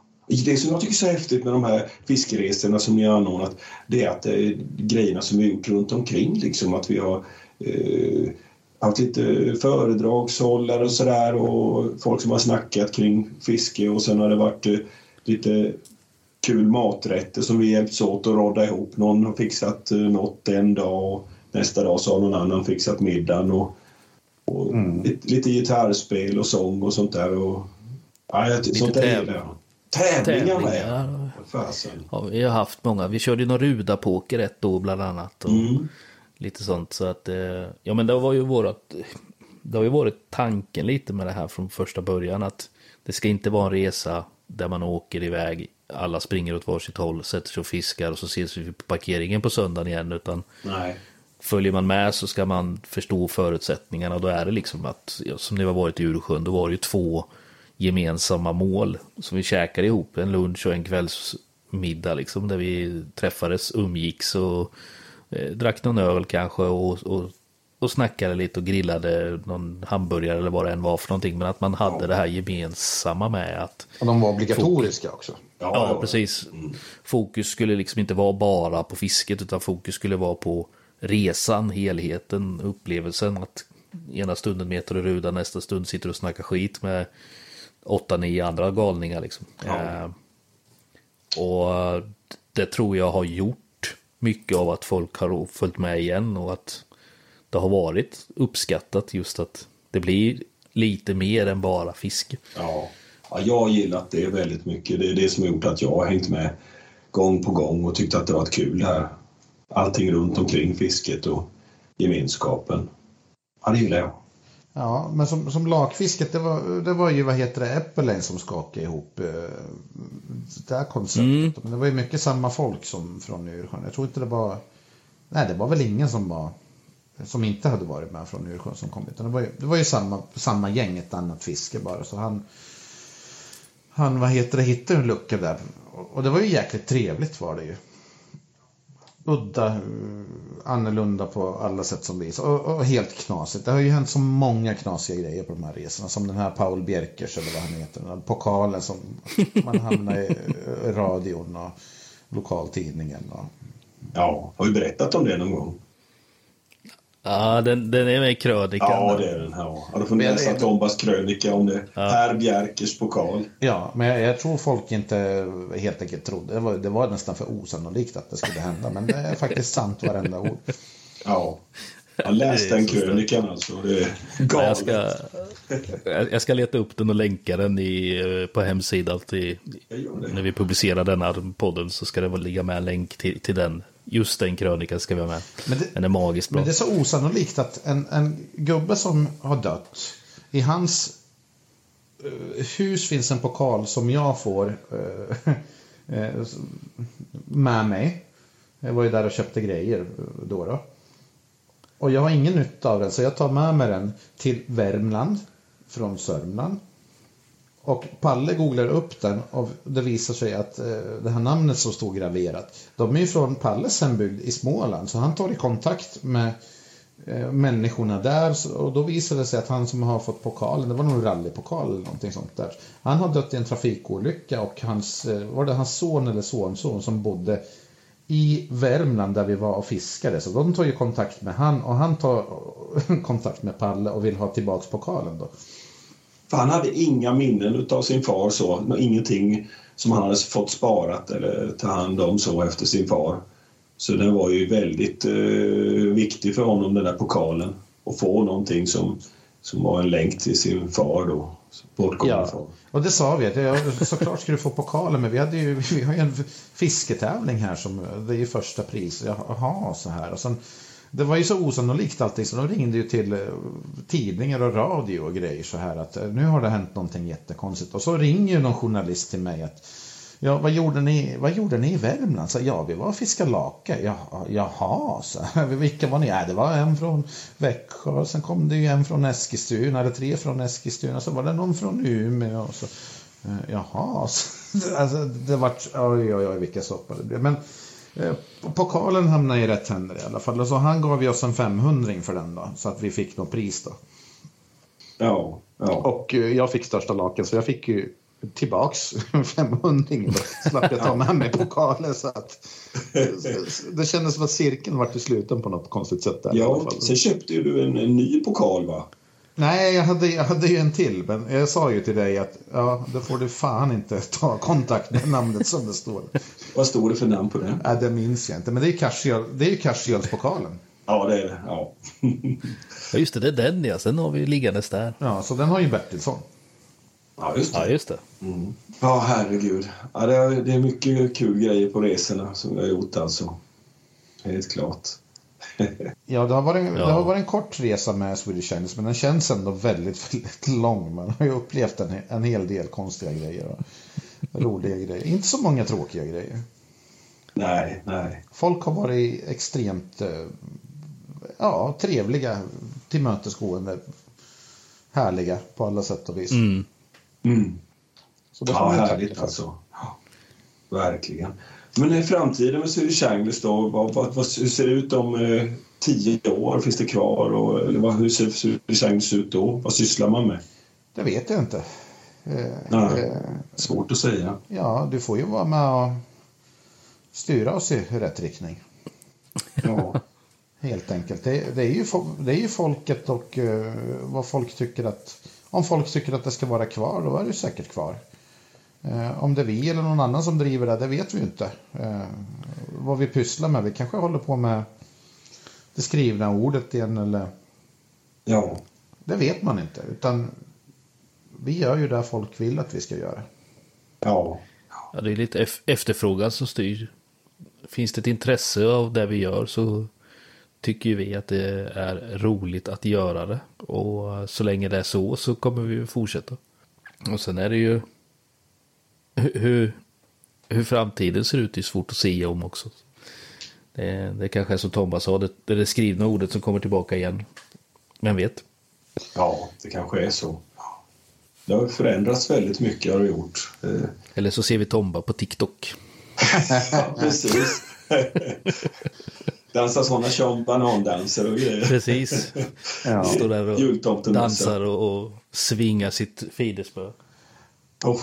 Men man kan säga så här lite nästan lite elakt att metare är ju oftast tio år efter normala människor och det inkluderar oss också så att eh, det som var som Instagram och sånt där. Alltså det, det fyller inte så jävla stor funktion för metet. För att det, det är mycket äldre människor, det är längre startsträckor där för människor att, att hitta till de här grejerna. Som poddarna, det, det var också lite startsträcka på ett vis så här. Så att eh, man, man får nästan så nöta in i folk. Men vad fan, gå in på Instagram och kolla. Och sen, nej men vad fan, du vet jag är 60 år, jag kan ju inte vara på Instagram och, och si och så. Men sen när de väl hittar där så tycker de att det är kul i alla fall. Så att det, eh, tyvärr så är inte metarna de yngsta människorna vi har i landet. Men förhoppningsvis så kommer det fler unga människor och då tror jag att just de här, eh, fan vet jag, TikTok, Instagram, till och med Twitter eller någonting kan komma och bli aktuellt då. Ja, det är svårt att säga vad som, vad som blir nästa grej. Eh, någon, någon förändring lär det ju bli. Sen är det ju som du säger, kanske inte vi så snabba på att haka på. Nej, men jag menar, Vicke fick sin första smartphone förra året. Så att, ja, just det. Vi ska kanske inte ta Hallesjö som, som den tekniska gurun här. Nej, men det är väl kanske just det där att många som metar är så jävla inne i metet att man, man lägger all sin fokus på det där. Man kanske ja. inte liksom är runt kring sig och om sig hela tiden utan nej, nej, och uh, alltså det är väl inte så att man ska lägga fokus på sånt. Det är ju roligare att fiska. Ja, det är det ju. Alla dagar i veckan. Än att sitta på, vad det nu hette, TikTok så är det, jag va? Ja. Jag vet, inte, jag vet knappt själv vad det är för någonting, man ska vara ärlig. Så. Bara chansa. Ja, det finns ju några Snapchat och TikTok och jag vet inte. Ja, allt vad det heter för något. Jag vet inte vad det är för något. Men eh, annars då, vad säger ni? Snart helg. Vad säger du TikTok-Tomba? Har du något fiske på gång? eh, nej, jag tror att jag eh, pysslar med något annat den här helgen. Vädret är piss och jag känner mig lite så här sliten. Eh, det har varit väldigt mycket fiske nu på sistone och allting så att jag, jag hoppar nog den här helgen. Det blir paus. Det blir paus och sen ska jag ta nya tag och fortsätta jaga lite björkrum. Ja. Det låter härligt. Vad säger du Krille då? Har du något eh, framåt?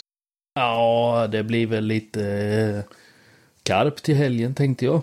Ja. Eh, och sen så eh, ska vi ju iväg och fiska lite sutare. Eh, och sen så eh, blir det väl lite mer karp och lite ål. Ja, jag har rätt mycket sådär. Vilken jävla helg. Ja, vilken jävla helg! Hinna med allt på den helgen blir svårt. I helgen blir det karp. Men sen eh, är det inte långt borta till lite sutamete och ännu mer karp och ålresa och lite sånt där. Nej, men det finns gott om att under sommaren här, så det blir roligt. Ja. För mig är det så att när Färnan har lek, då blir det ungefär att nu börjar andra halvlek. Sen går jag över till andra arter lite grann. Så det blir som en liten minipaus där. Mm. Mm. Ja, men det, man, man behöver nog ha det lite emellanåt också. Och stoppa lite. Jag har faktiskt inte varit ute och fiskat sedan vi kom hem från Dalälven. Så att, eh, jag har varken haft tid eller riktigt vetat vad, vad tusan jag ska göra. Och sen har vädret varit sådär. Och jag, ja, nej. Jag har mest gått och filurat lite på eh, lite karp och ål och sutarfisket. Eh, mycket så här förberedelse för ordning på alla grejer som behövs för, för allting. Det är ju hysteriskt mycket jämt. Mm. Man behöver en liten sån period ibland och bara snurra upp allting. Fast jag höll på med så här 2000 meter lina häromdagen och skulle få ordning på hopplöst. ja. Palle då? Du får, du får avsluta podden med att säga vad du ska fiska i helgen. Jag ska, jag ska, fasen alltså, jag har så jävla dåligt med tid med allting. Jag, jag har varit iväg i Italien en sväng med frugan nu så jag har väldigt, haft väldigt svårt att få ledigt också. Varenda helg har jag varit späckad med sådana här, alla ska fylla år på våren och kalas och 25-årsfirande på bröllop och allt möjligt sånt där. Så men jag tror att jag kommer ut på en karpnatt i helgen i alla fall. Och den ska jag lägga på något riktigt bra, har jag tänkt. Mm. Häftigt. Ja. Härligt. Ja. Sen får jag nog nästan vänta tills du och jag ska iväg Krille på sutametet. Men det blir kul. Ja, visst. Det blir kul. Ja. Det, det, det hoppas jag blir episkt bra så vi får till en riktigt schysst film. Ja. För det är där vi ska filma. Ja, ja det, det, det blir något speciellt blir det. Vi hoppas det. Vi ska inte säga för mycket. Nej. Oss, väl Vädret emot oss. Ses väl vi Tomba i sommar med va? Lira Ja. lite musik och fiska lite. vi ska göra mycket ihop tänkte jag. Ja, det är härligt. Men då grabbar, tack för allt ni har gjort för metet och tack för, de här, för det här snacket som vi har haft ikväll. Tänkte ju säga det, tack alla där ute som är med på resan och tack Palle för, för snacket. Det var kul. Lite spännande att se tillbaka på allting man har gjort ibland. Ja, faktiskt. Härligt. Då avslutar vi det här. Det gör vi. På återseende. Precis. Får ni ha det så gott. Hej, hej. Ja. Hej er.